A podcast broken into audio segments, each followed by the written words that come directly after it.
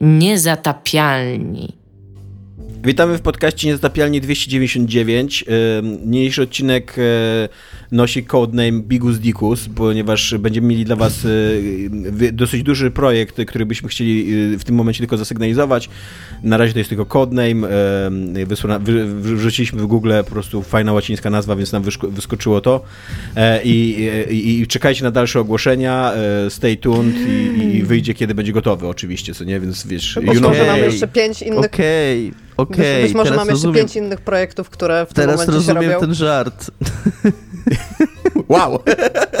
Dominik zna ten żart od trzech dni, to, to i tak wytłumaczę. tak, tak.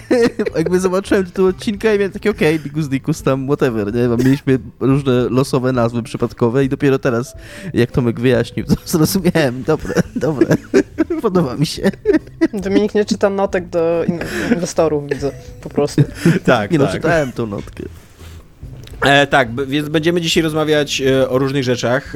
E, przede wszystkim będziemy rozmawiać o Wiedźminie 1, który dostanie remake. E, I wszyscy wiemy, że jest tylko jedno pytanie, które się liczy przy tej sprawie i e, zadamy je sobie. E, ale przy okazji, wczoraj, zupełnie przez przypadek, dowiedzieliśmy się o tym, że coś się dzieje dookoła serialu Wiedźminowego, więc o tym też wspomnimy, bo z Dominikiem o Wiedźminie zawsze. Będziemy również rozmawiać o Bajonecie i o aktorce głosowej podkładającej głos pod Bajonetę. Tak? Ona, ona się nazywa Bajoneta, czy ma jakieś imię i nazwisko? I Bajoneta to jest tylko jakiś artystyczny pseudonim? Czy ona jest po prostu znaczy, Stefania Meyer i tam... ten lore... Pracuje Janis. po prostu tak, w biurze na co dzień i... i... znaczy, ten, ten lore Bajonety jest e, skomplikowany, więc jakby ona, ona jako postać to jest Bajoneta. Okej, okay, tak. czyli że dobrze mówię, czyli że podkłada głos pod bajonetę e, i na początku wydawało się, że jest to skandal niesamowity, a później się sprawy pokomplikowały i okazuje się, że być może nie jest to tak niesamowite. One się skandal. jeszcze bardziej skomplikowały od tego momentu, w którym tak. wystawiliśmy newsy i mam na ten temat nowe doniesienia, jakby jest spoko. E, więc tak, i będziemy znowu rozmawiać o starości, ponieważ ostatnio nie zdążyliśmy porozmawiać o starości, bo jesteśmy za starzy, e, więc ten czas nam po prostu umyka między palcyma i, i, i nic na to nie poradzimy. E, ale zaczynamy od co jest grane, ponieważ dzisiaj znowu jesteśmy z młodzieżą. E, ja przeszedłem, a Iga i Dominik nie przeszli, ale grali. To jest w ogóle totalnie nieważne, co chcę powiedzieć Tomek. E, kilka dni temu wyszedł zakończenie trylogii Frog Detective, więc wyszedł Frog Detective 3 Corruption at Cowboy County, który jest zakończenie fenomenalnej, zakończeniem fenomenalnej trylogii Frog Detective'a Grace Braxner i jakby wiem, że o tym chciał powiedzieć Tomek, a po prostu się przejęzyczył. Jakby nie, mam wiele pytań, Iga. Tym razem e, Grace Braxner rzuca naszego żabiego detektywa na dziki zachód mamy tutaj taki semi-open world już w porównaniu do tego, jak wyglądały pierwsze dwie części, więc jesteśmy w stanie poruszać się na hulajnodze i pomaga nam pierwszy i najlepszy spośród detektywów y, uniwersum, czyli Lobster Cop. I co się dzieje w tej trylogii, to wam powiem. Półtorej godziny plot twistów, genialnych dialogów. W ogóle tam jest, są dwa razy kredyty lecą. Raz lecą kredyty do, seria- do jakiegoś szóstego odcinka 11 sezonu jakiegoś serialu, bo piosenka cały czas trwa, a już nie było kredytów, bo zrobiły to, tą grę tam dwie osoby. Więc jakby tam się dzieją rzeczy, jest czern i biel, są achievementy po prostu ze smutną żabą, jest max. Po prostu jeżeli przechodziliście jedynkę i dwójkę, jeżeli nie przechodziliście, to bardzo polecam, to trójka jest po prostu wisienką na torcie emocji, które serwuje nam Grace Braxner. Jakie masz pytania, Dominik? Ja jeszcze tylko eee, zapomniałem powiedzieć, że ja się nazywam Tomek Strągowski, jest Iga, Ewa Smolecka i Dominik Gąsko. Dominik Gąsko oddaje ci głos. Tak. tak. Ja mam pytanie, czy, czy detektyw Żaba to jest detektyw, który rozwiązuje sprawy takie zwykłe ludzkie, czy rozwiązuje sprawy z Królestwa Zwierząt? Tam, znaczy wszystkie żabie? postaci w tej grze to są jakieś zwierzątka. Co więcej, jak on dostaje hulajnogę, bo dostaje ją od superwizora, który jest pingwinem, to pyta się, że jakby myślał, że będzie jeździł konno na Dzikim Zachodzie i ja mówię, czemu chciałbyś jeździć konno? Konie to są e, bardzo, dobri, znaczy bardzo ważni członkowie naszej społeczności, byłoby to bardzo nie okej okay, jeździć na nich. I ja mówię, okej, okay, rzeczywiście pomyliło koń jest najlepszym przyjacielem żaby?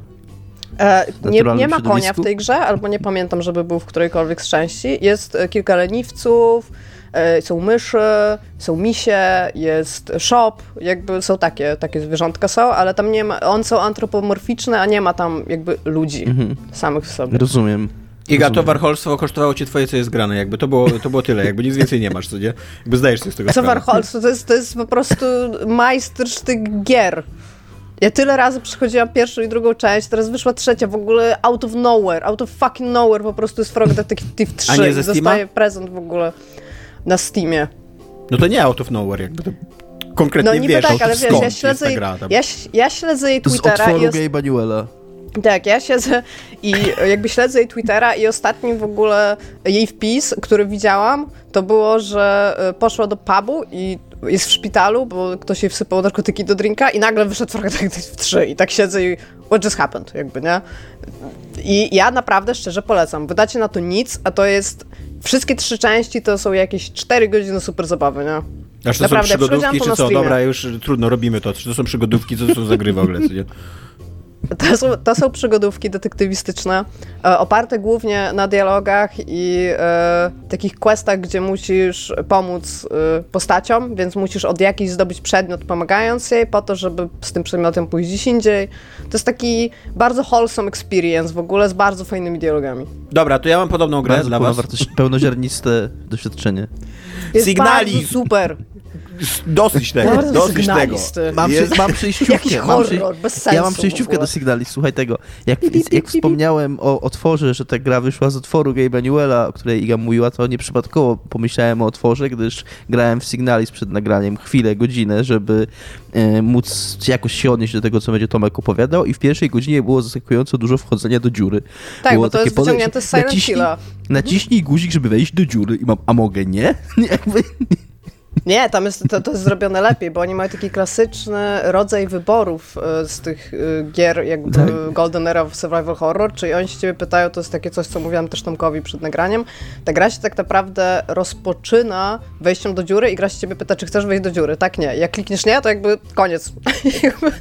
Tak? I tu, tutaj Okej. się skończy. Nie, nie ma tam game over, ale jakby jak klikniesz nie, co jest No viable wyborem, dziurą, jakby, że- które daje ci grę, to możesz stać przed tą dziurą i to jest twoje doświadczenie w Signalis, nie? Jakby. A niedługo później się znowu wskakuje do dziury. Tak, no to Więc- jest motyw Silent Hill. jakby I, ta, I bardzo długo ważne się schodzi cały czas w dół, co też jest e, bardzo horrorowe. Deeper nie? Underground. Tak. Tak. Y, A, E, e, tak, więc w każdym Oddaję razie... głos tobie, E, Tomku. Tomaszu.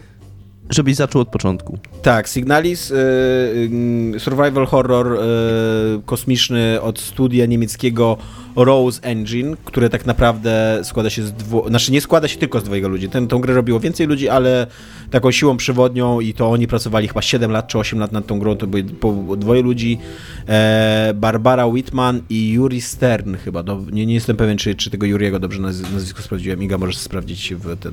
W Już tle. szybko sprawdzę. E, I, I tak, i to jest gra o, o tym, że budzisz się w rozbitym statku kosmicznym na planecie opuszczonej. Znaczy, okazuje się, że nie jest ona opuszczona, no ale budzisz się w rozbitym statku kos- kosmicznym. E, brakuje twojego współzałoganta, e, ty sama jesteś replikantką, czyli takim androidem, tam później jest tłumaczone całe, całe backstory, jakby co, skąd ci replikanci się wzięli i co, jaką oni mają Yuri Stern, dobrze powiedziałem. Dobrze powiedziałem. E, jaką oni odgrywają rolę w społeczeństwie i e, ty szukasz swojej, e, swojej współtowarzyszki podróży. E, wychodzisz z tego statku kosmicznego i tak, i, i tak jak Dominik mówi, zaczynasz wchodzić do dziur, jakby różnych. E, e, e, szybko, szybko okazuje się, że musisz zwiedzić jakieś, e, jakieś tajne bazy, cały czas wchodzić jakby głębiej pod ziemię. W tych tajnych bazach oczywiście doszło do takich strasznych rzeczy. E, pamiętają się zombie i em, trzeba do nich strzelać, ale amunicji jest mało. E, jest bardzo opresyjny klimat, bardzo opresyjna atmosfera tej gry. W ogóle opresyjny to jest dla mnie taki przymiotnik opisujący tą grę. To, jest gra o tym, że tam świat nie chce cię i, i życie cię nie chce i e, i jeżeli ty chcesz egzystować, istnieć, to musisz po prostu wiecznie walczyć i, i na każdym froncie jakby stawiać opór. E, A tak naprawdę na koniec w tej grze się okazuje, że nie wiadomo, czy ten opór ma sens i, i, i czy, em, czy jakby cała ta opresja nie powinna po prostu wygrać na samym początku że to nie byłoby mniejsze cierpienie, co nie? Bo też, też jest to gra... E, o ciągłym cierpieniu. Wszystkie, wszyscy bohaterowie, których tam spotykasz, praktycznie w jakiś sposób mają przejebane. E, wszyscy oni cierpią, wszyscy oni są zalupowani w jakimś nieszczęściu e, i ty jakby eksplorując ten świat, jeszcze do tego, jakby tego było mało, to ten... em, e, setting science fiction e, rozgrywa się w takim świecie przyszłości, w którym takie imperium na pół faszystowskie, na pół komunistyczne, ale takie jakby w pełni podporządkowujące sobie życie prywatne człowieka, o tak, tak bym powiedział. E, prowadzi ciągłą wojnę ze wszystkimi, ze wszystkimi innymi bytami politycznymi dookoła, podporządkowuje sobie właśnie w pełni życie, życie swoich e, obywateli, prowadzi taką militarysty, militarystyczną politykę, która podporządkowuje jakby, która do tego stopnia wpieprzać się w życie prywatne jednostki, że każdy nosi tylko sześć przedmiotów. jakby nie można politycznie, Tak, decyzja polityczna. Decyzja polityczna w tej To grze jest jest, bardzo że, śmieszne. że można nosić tylko sześć przedmiotów, nie więcej. I to jest oczywiście... Normalnie w takich grach to jest... Normalnie w takich grach to jest po prostu przyjęte, że masz tam ograniczony ekwipunek i tyle, a tutaj robią takie w ogóle... Jest e, plakat propagandowy, który tak. ci o tym mówi, żebyś trzymał kieszenie puste świecie, tak, tak. i travel light, jakby sześć, tylko sześć przedmiotów maksymalnie, pamiętaj. I teraz jest pytanie, co jeżeli cię złapią z siedmioma, bo pewnie idziesz na, na tortury i na tego... Bardzo e, możliwe, bardzo możliwe jest, e, temat tortur jest podejmowany w, tym, w, w tej grze nie raz i nie dwa, jakby te, to się dzieje, te, ten, to imperium e, To ci podejmuje takie działania, nie? przedmiotów ze sobą. tak. E, Tym tak. klucze, telefon i pięć jajek. To, o Jezu. E, i, i, I tak, to co, to co mnie najbardziej fascynuje w tej grze i za co ją chyba najbardziej cenię, to jak ona jest rozpięta artystycznie. Bo to jest bardzo inter, intertekstualna gra. Y, takie naj, naj, najprostsze w ogóle y, teksty, które cytuję, to są oczywiście Resident Evil i Silent Hill stare. E, ale to jest też mnóstwo Neon Genesis Evangelion, mnóstwo Blame, tak, takiej mangi, o której mówiłem tam kilkanaście odcinków temu. Jest Lovecraft, jest Król w żółci, czyli tam same początki Weird Fiction. E, jest Chopin, Czajkowski, jest malarstwo romantyczne. E, tam... Jest, jest Boklin i Bracht ogólnie z malarstwa. Tak, tak. E, I jest też e, w pewnym momencie, tak już nie spoilując, ale są też bardzo wyraźne nawiązania do Sanitarium i I have no mouth and I must scream, nie? E, więc więc jest to takie, tak, jest to takie autentycznie imponujące, jak bardzo, a jednocześnie ta gra ma, e, jakby jest oryginalna, co nie? Jest bardzo oryginalna graficznie, dźwiękowo, ma w ogóle super sound design. Te wszystkie właśnie takie radiowe, e, ra- radiowe wstawki, tam jakieś krzyczenie achtungów i tak dalej i e, szumy takie w w tle, jakie słyszysz, to jak są zaprojektowane w ogóle odgłosy przeciwników, strzałów i tak dalej, to robi niesamowite wrażenie. Jakby ona jest, ona jest swoja własna osobna, co nie? Ale jest też właśnie tak też rozpięta na takiej gigantycznej mapie inspiracji i, i te inspiracje są czasem bardzo, kurde, odległe od siebie różne i tak dalej, a jednocześnie, kurde, super pasują e, i, i, i, i robią świetną robotę i, i no moim zdaniem jest to super gra, e, tylko mam z nią taki problem, że e, ona jest nie do zrozumienia przy pierwszym podejściu. Jeżeli wydaje wam się, że nie wiecie o co chodzi w tej grze, to bardzo mało więcej będziecie wiedzieć na samym koniec tej gry, nie?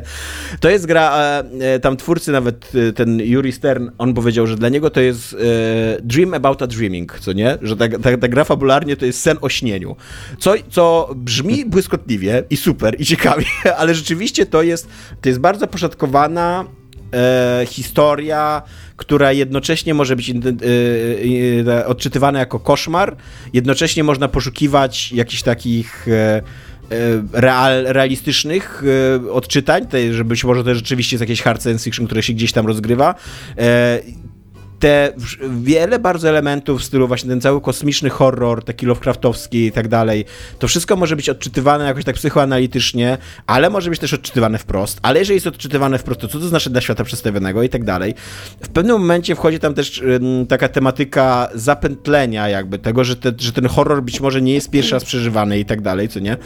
E, I, i, i autentycznie to jest jakby ja mam trochę słabość do tego, jaka ta gra jest estetycznie i ona działa na bardzo wielu takich moich strunach osobistych i bardzo mnie porusza i do tego stopnia, że, że tak, że nawet wlazłem na stronę Wikipedii tego obrazu e, e, e, e, nie Shore of Oblivion, tylko, tylko tego drugiego. Tak, tak, właśnie. The, the Isle of the Dead. Isle of the Dead. Isle of the Dead, tak, o, dokładnie tak. Że, że wlazłem na stronę Wikipedii tego obrazu i dopisałem tam Signalis, bo jest tam lista, lista tekstów kultury, które cytują ten obraz, co nie? I, tam, i jak widzicie, tam jest teraz sekcja o Signalis, to, to ja ją nie? A napisałeś, e, kto zaraportował o tym w internecie, że w tej grze jest inspiracja tym obrazem? Bo to nie wystarczy, że ona tam jest, nie? Nie, nie, nie napisałem, ale widziałem, że dzisiaj k- tam ktoś kliknął moje y, TT i moje zmiany i do, dodał jakby, że Washington Post zwrócił na to uwagę, co nie? Jakby nie, wysta- nie bo tak jak masz rację, nie wystarczy, że ten obraz fizycznie jest w tej grze, tylko jeszcze Washington Post musi, musi potwierdzić, że ten obraz jest fizycznie w tej grze. nie? Ja bym tylko chciała powiedzieć, że byłam na stronie Wikipedii tej gry, samej z siebie, i tam jako genre określone jest jako survival horror TP, e, TPS. I jakby to totalnie nie jest TPS, to jest izometryczna gra, Tak. ale tam Ona jest, you y. Bardzo rzadko przechodzi Ja w zgadzam, FPS, że- widoki FPS.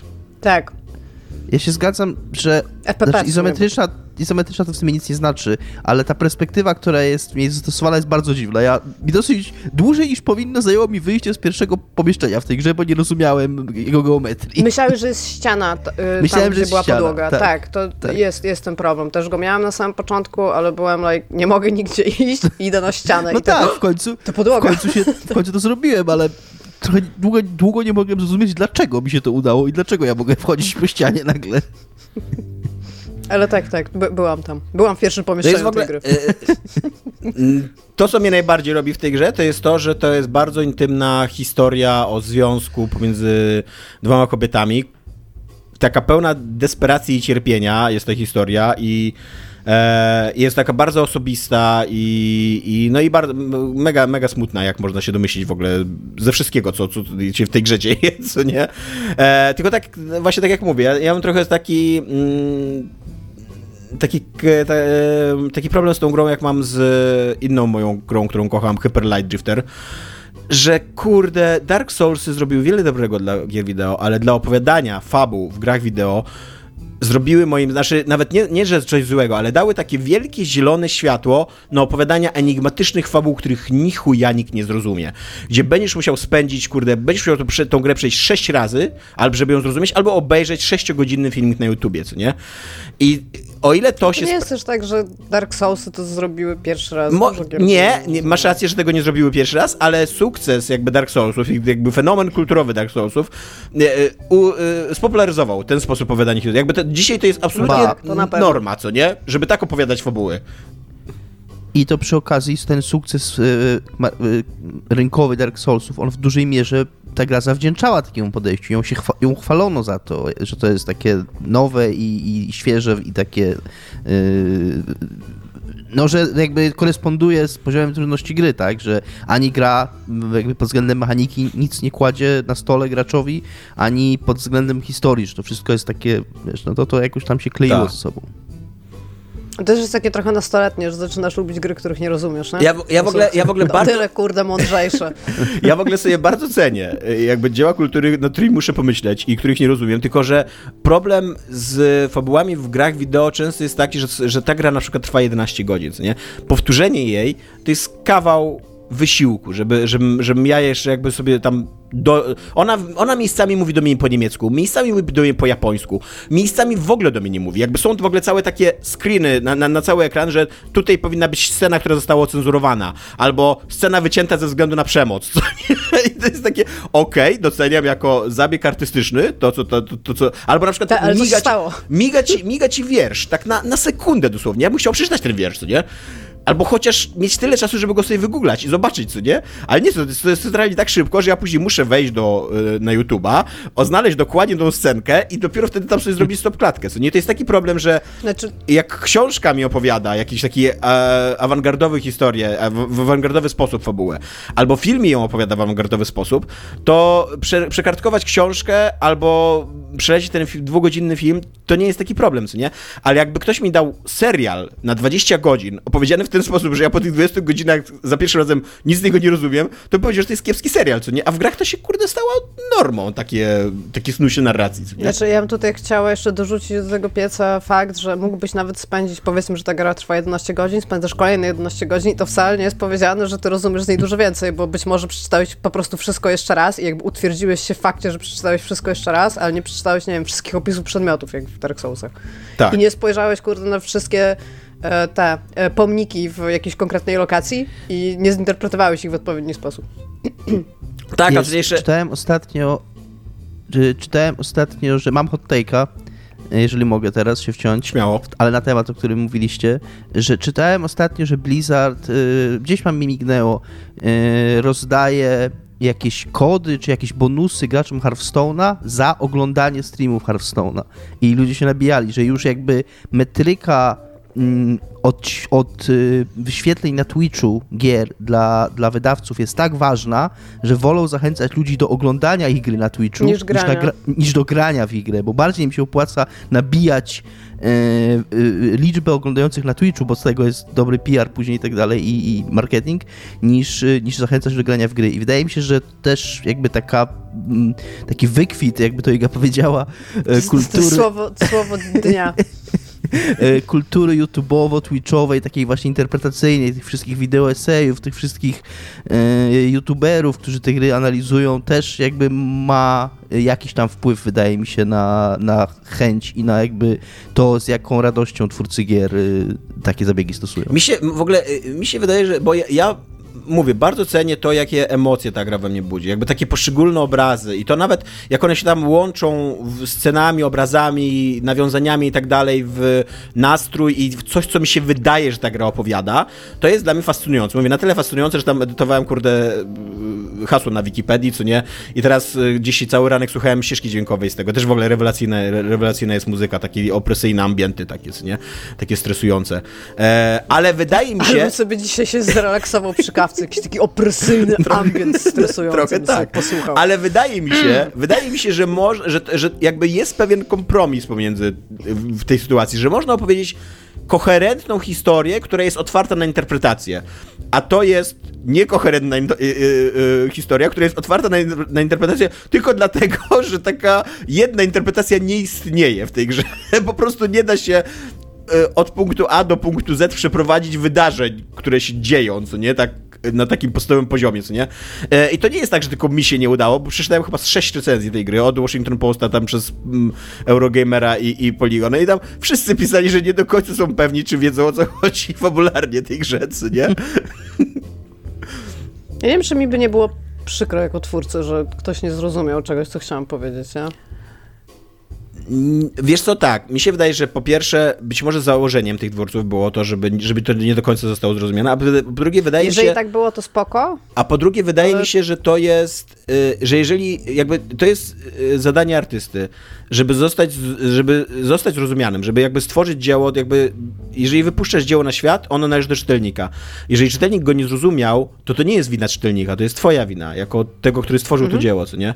Dlatego mówię, że mi by było przykro, bo jeżeli moim założeniem nie jest konfu- konfundowanie, tak, tylko mam realnie jakąś historię do opowiedzenia i sobie ją napisałam i ona jest niezrozumiała, to znaczy, że podjęłam szereg decyzji, które to spowodowały w trakcie Tak. tworzenia tej gry, nie? I Właśnie- jakby, okej, to czasami się zdarza, ale wiesz, to, to jest na przykład powód, dla którego moim zdaniem e, Bioshock Infinite na samym końcu ma ten gigantyczny exposition. Jakby ty już jesteś w stanie złożyć fakt, że ten tam loop istnieje i to wszystko jest ze sobą w jakiś sposób połączone i że tam są inne wymiary i spoko, ale, ale ta gra ci robi w ogóle cały outro, to jest taki, teraz ci powiemy, co się stało. Tak? Bo oni się bali, że jakby ty tego nie skleisz. I to był, to był ich thing. To jest też w ogóle fajne outro, tak swoją drogą, ale To tam... jest bardzo fajna Tak, sekwencja. Tak, tak, I to tak, tylko że... I ona jakby- emocjonalnie ja, super ja się siada. zgadzam, Y, I tak, tylko że chodzi mi po prostu o to, że w momencie, kiedy na przykład ja bym stworzyła e, grę i bym chciała, żeby ona jednak była w jakiś sposób zrozumiana, ale bym chciała też, żeby była jakaś trochę enigmatyczna albo coś takiego, to w momencie, kiedy bym potem czytała recenzję, że to jest jakiś gibberish, w sensie, że wiesz, że jakby pojedyncze tam jakby sceny trafiają, ale jakby one się nie łączą w całość, to stąd mówię, że mi by było trochę przykro, nie? wiesz, Bo jeżeli zostawiam tam na przykład tylko i wyłącznie wskazówki dla kumatych i widzę, że ktoś to ogarnął, to jestem zadowolona, bo jakby liczyłam na to, że 5% graczy to ogarnie, ale jeżeli ty mówisz, że czytasz 6 recenzji i w 6 recenzjach tego nie zrozumiano, to coś już Wiesz, już ja nawet, ja, nawet, ja nawet bym nie powiedział, że to jest gibberish, bo tam za każdym razem, jak teraz chodzę po tych takich tekstach, które są tam cytowane, co nie? Potem właśnie e, Isle of the, of the Dead, e, The Shore of Oblivion, co nie? To jakby ja widzę, okej, że jakby to się łączy jakoś z tym, co ja myślę o tej grze, co nie?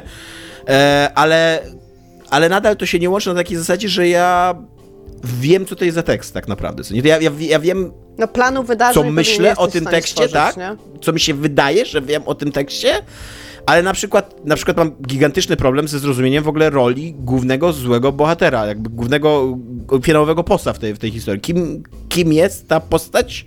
Jakie ma motywacje? Co się wydarzyło? Dlaczego ja ją zabijam? Nie wiem.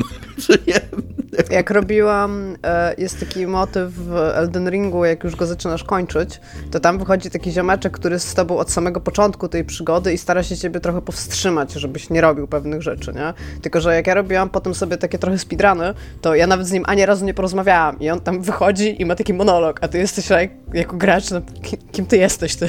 Typie. To mniej więcej coś takiego, nie? Dobra, Czy to... ostatnim bossem jest Adam Smasher? Mam pytanie. to by było w ogóle super, jakby co nie, jakby biorąc pod uwagę, jak bardzo inter, intertekstualna jest ta gra, to tam na końcu taki Adam Smasher totalnie jest.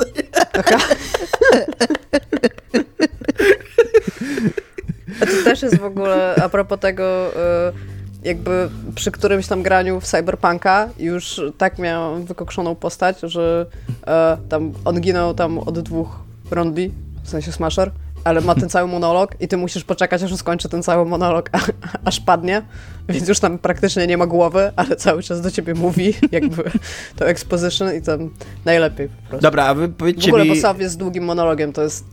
I, powiedzcie mi, jak wam się gra w tą grę, bo jesteście tak około dwóch godzin, tak, in... I co wy myślicie? Mi się gra rewelacyjnie, ale tak jak mówiłam tutaj przed podcastem, mieliśmy taką bardzo w ogóle żywą dyskusję z Tomkiem na temat tego, co nam się podoba i co nam się nie podoba.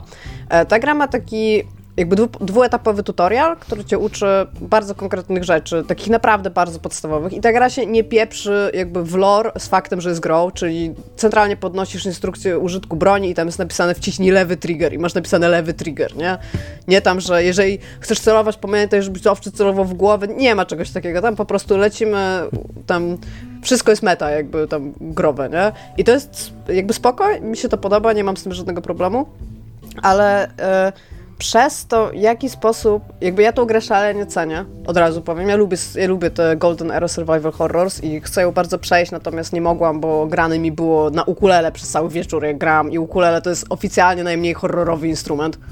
Po prostu nie da się... Nie Sama da się... sobie, Iga, ten los zgotowałaś. Tak, to ludzie ludziom zgotowali ten los i ja byłam tymi ludźmi w obu przypadkach po prostu. e, no, ale w każdym razie mi się ona szalenie podoba ze względu właśnie na taki enigmatyczny klimat.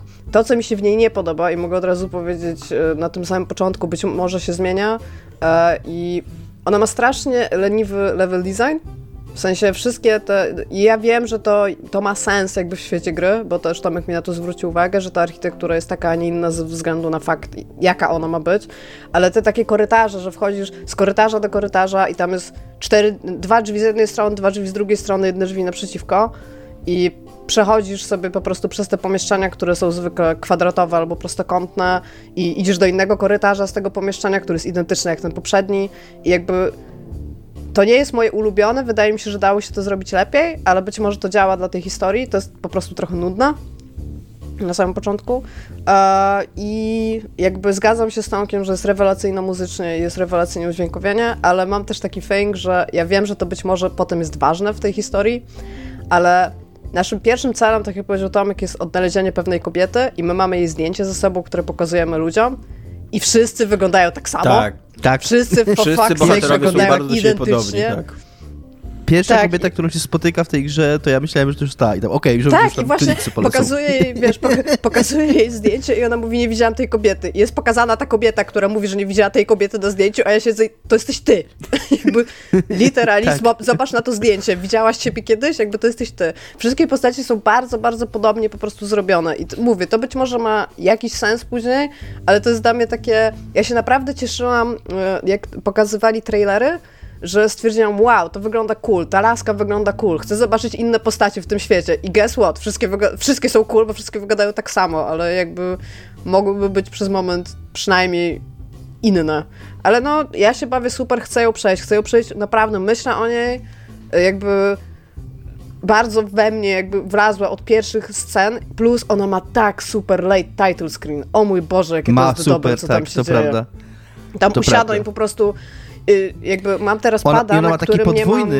i ma taki tak naprawdę podwójny late title screen, bo ma Tak, najpierw tak, logo że- studia i potem jeszcze tro- trochę gry i później tytuł gry. Super, tak, i to właśnie to, o to mi chodzi, nie? Że to miejsce, kiedy ten tytuł gry wchodzi, to ja się z Jesus Christ, ale będzie, ale potem słyszę, kurde, Somewhere Over the Rainbow na ukulele i jakby to już nie siada.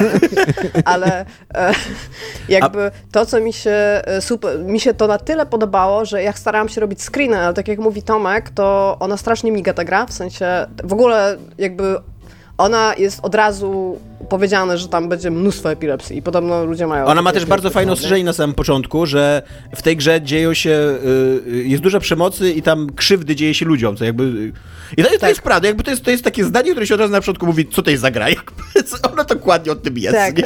o, o, o e, migającym chciałam- ekranie przemocy i krzywdzie.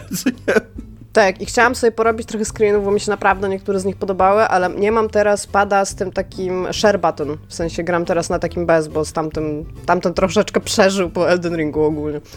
I e, nie mogłam zrobić żadnych screenów, więc w pewnym momencie po prostu wyciągnęłam telefon i zaczęłam robić zdjęcia telewizora. Więc tak mi się to podobało.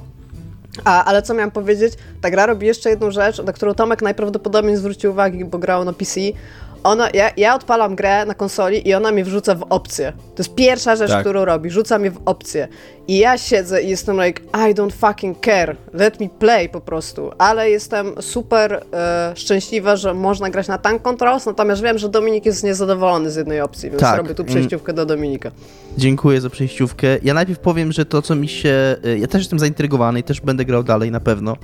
E, dodam do tego, co powiedział Tomek, y, że do tej estetyki, bo jest to jest najbardziej zwraca uwagę od, od uruchomienia, bo już, już jakby menu główne, potem jak się przez te opcje przejdzie, jak ci gra wyświetla menu główne i ty się przez chwilę nie orientujesz, że ona ci wyświetliła menu główne. Trzeba dopiero tam nacisnąć guzik i zobaczyć, że to o, jestem w menu głównym gry teraz.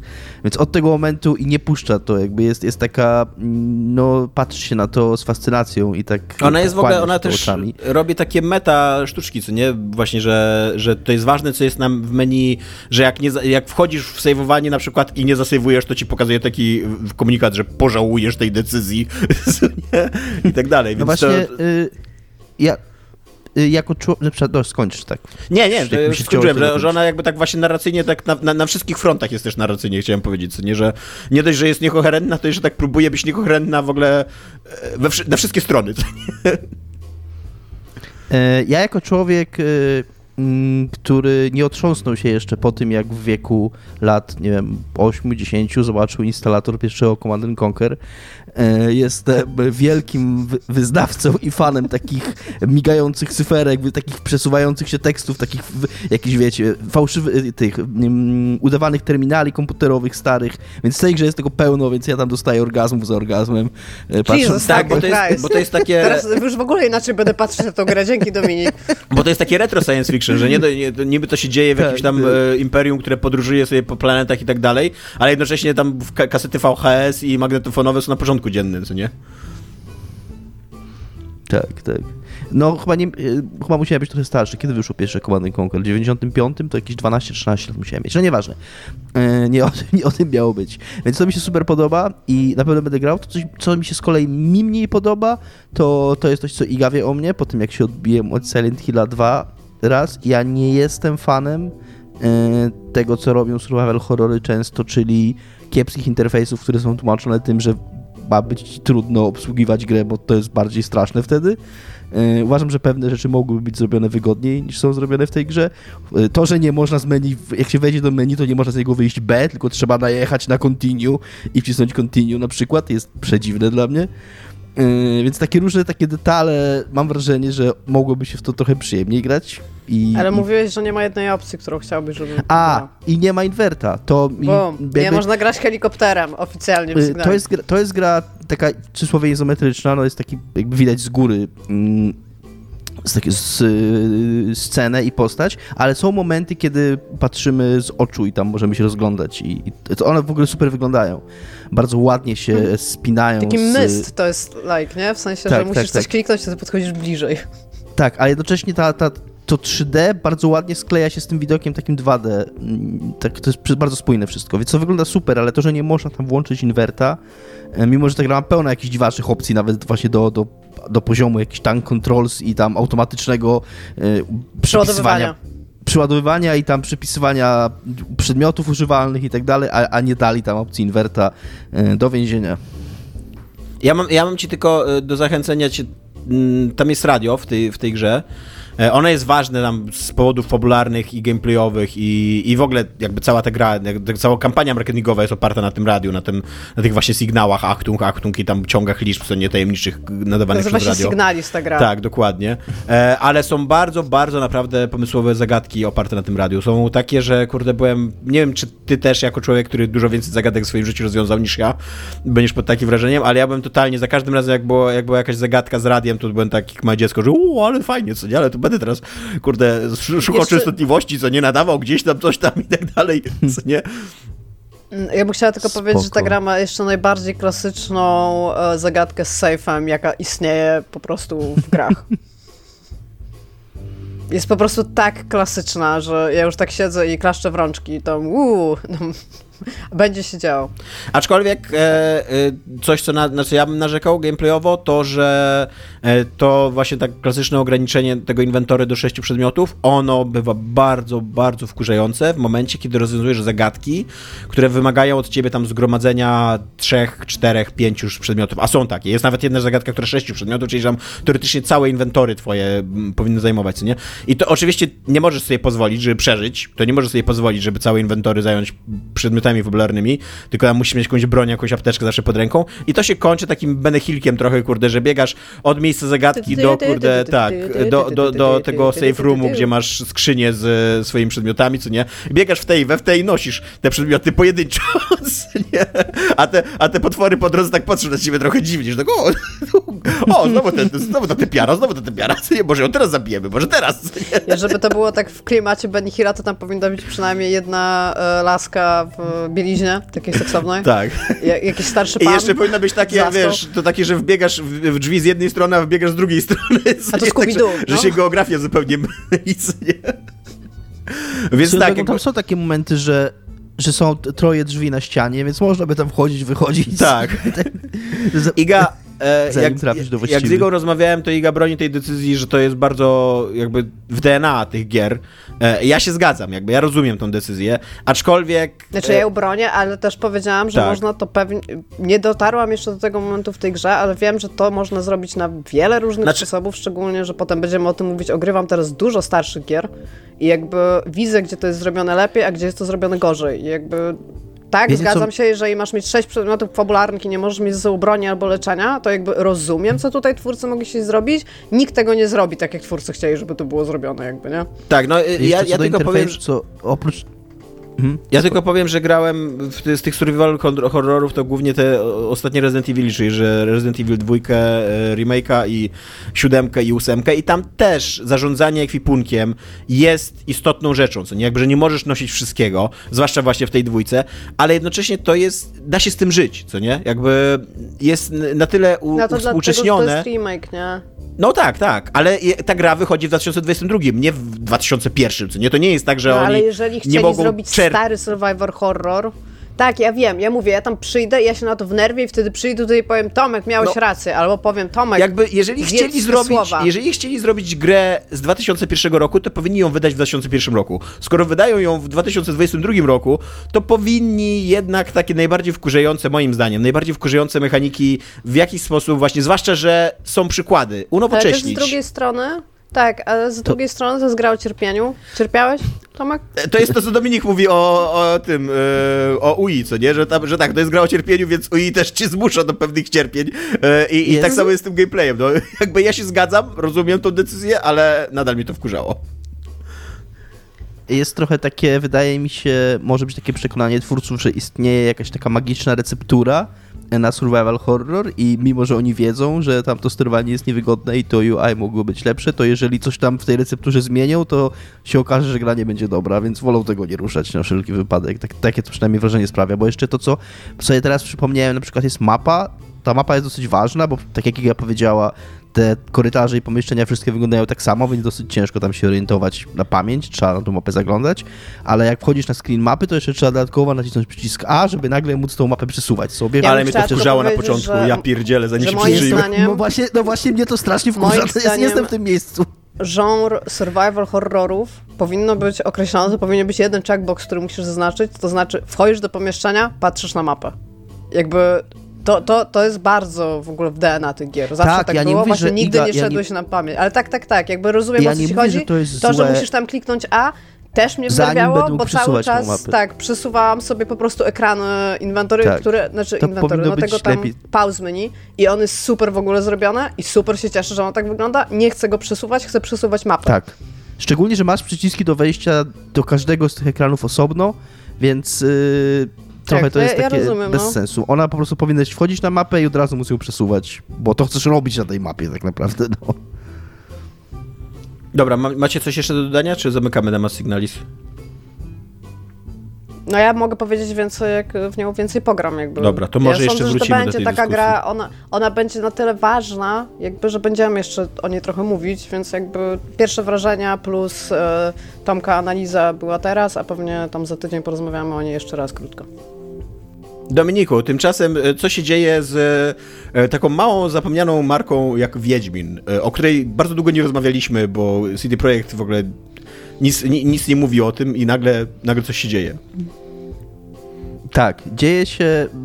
Tak naprawdę Tomek się nabija, bo bardzo niedawno rozmawialiśmy o aktualizacji planu strategii biznesowej CD Projektu, w której to strategii CD Projekt zapowiedział od 6 do 9 nowych gier, nie wiem, od, tak naprawdę nie, ile, od 3 do 5 nowych gier z Wiedźminem, czy Powstających w Wiedźminie. 12 studiach, w tym na Arktyce. Tak.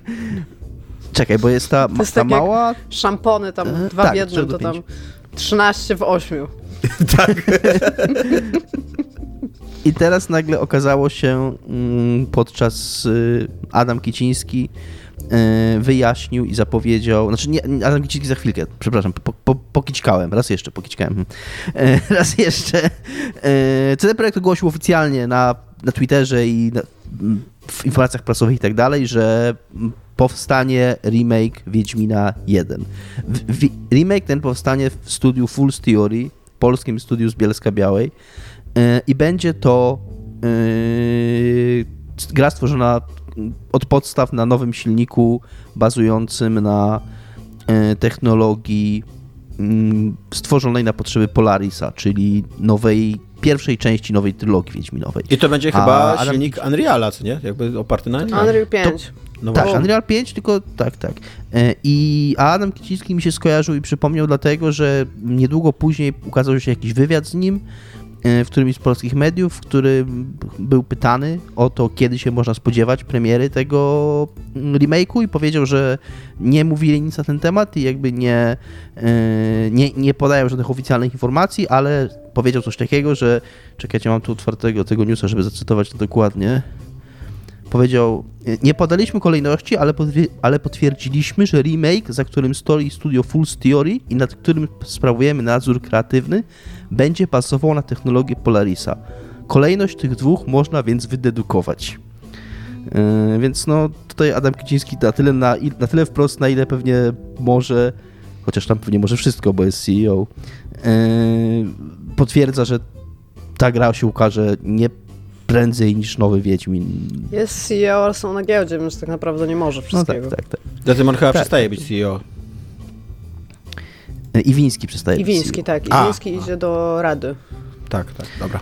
E. I więc, więc y, prawd- powstanie ta gra po nowym, pełnoprawnym Wiedźminie zostanie wydana prawdopodobnie, tak wynika z tej wypowiedzi, czyli do nie wcześniej niż za 3 lata by, by to wynikało.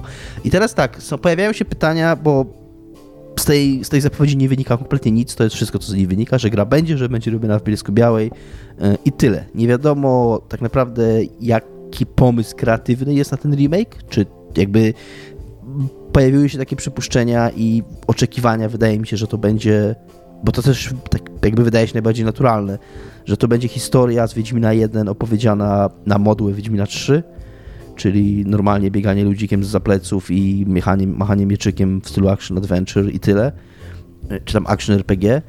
Natomiast jeżeli spojrzy się na dorobek studia Full Theory, on nie jest wielki.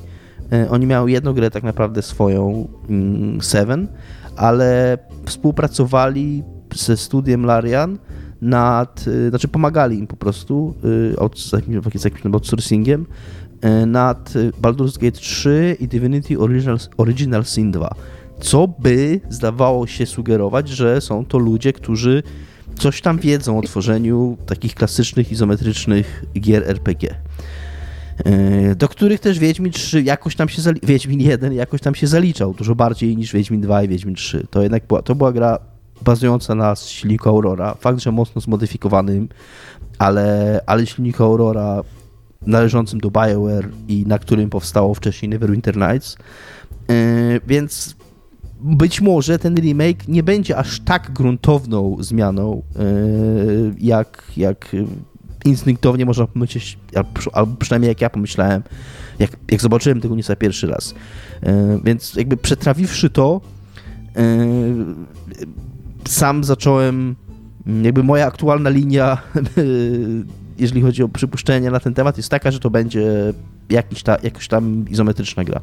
No właśnie, E, że tak, ona będzie- zaskoczyłeś mnie tym, że tym, tym domysłem, że to będzie taki Wiedźmin 3 bardziej, bo ja od początku tak myślałem, że to, że o, że chcą tam skoczyć na tego konia izo RPGów znowu modnych, co nie, i że to tak fajnie nawet, Tak, bo izo RPG są tak, fajne. tak. Więc, y, więc no, jesteś mądrzejszy ode mnie po prostu, nie, nie, jakby nie dziwiąc nikogo. E, Chociaż tak naprawdę ja się trochę zastanawiam też, czy CD Projekt sam wie i zdecydował już, jaka to będzie gra, bo wydaje się, że to jest kolejna zapowiedź z cyklu tych takich no z cyklu tych zapowiedzi, które mieliśmy przy okazji tej strategii biznesowej, czyli kolejna rzecz rzucona tak na żer y, giełdzie i na żer inwestorom, żeby odbić to, te, te spadki po cyberpunku, Y, a, a, a potem zobaczymy, jak to będzie. Nie? Y, re- Remake y, Wiedźmina 1 już powstawał kiedyś, nazywał się Rise of the White Wolf, robili go jacyś Francuzi i nie skończyło się to dobrze. Yy, więc y, też jakby to nie napawa jakimś super optymizmem.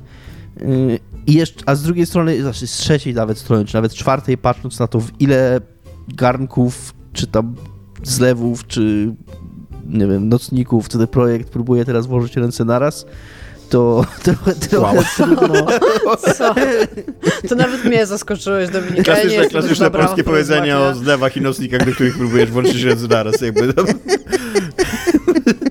Dominik zawsze z Nie, tradycją... jakby- Znaczy, oczywiście żartuję sobie, trzymam kciuki i bardzo bym chciał, bo Wiedźmin 1 był bardzo ciekawą grą. Wiedźmin 1 e, był... Mm, on miał dużo tego, czego trochę brakowało później w Wiedźminie 2 i Wiedźminie 3, czyli po prostu Wiedźminowanie. To była, to była bardzo mocno gra o facecie, który chodzi i bierze zlecenia na potwory i zabija te potwory. e, Albo po zleceniodawców, to różnie bywa z Wiedźminem. Zwykle Tak, tak, no, zleceniodawców. E, Czyli bo- potwory. ta- to tutaj był bo prawdziwym ludzie potworem. są prawdziwymi potworami. To Ja też. Spoilers z Wiedźmina. Yy, I, I ta historia szła w pewne dziwaczne miejsca.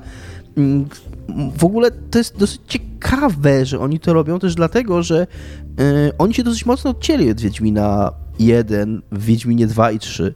Jakby Wiedźmin 1 był trochę swoją rzeczą. Oni jakby... Mm, on teoretycznie jest kontynuacją yy, historii Sapkowskiego, bo dzieje się, Wiedźmin się wskrzesza cudownie, ale on był, on był tak naprawdę Jest- swego rodzaju Jest w ogóle moim Yy, zdaniem taką, rebootem. taką naj, naj, najgłupszą, najgłupszą ścieżką kontynuacji, jaką możesz zrobić. O, zabiliście ci bohatera? Jednak nie.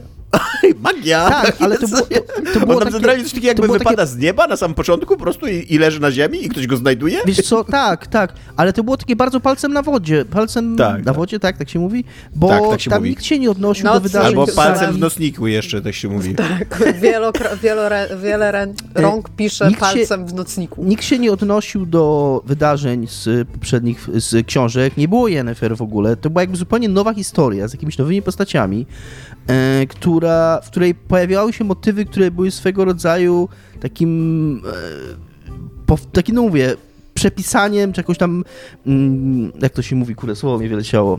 Mm, jak się ma coś, coś, coś reinterpretacją na przykład, albo po parafrazą o e, tego, co Sapkowski napisał. Więc tam była postać tego chłopca, który nagle pod wpływem jakiejś tam mocy zaczynał czytować tu przepowiednie tej Ilitiany, czy jakiej tam było, który był de facto po prostu Ciri zrobioną od nowa.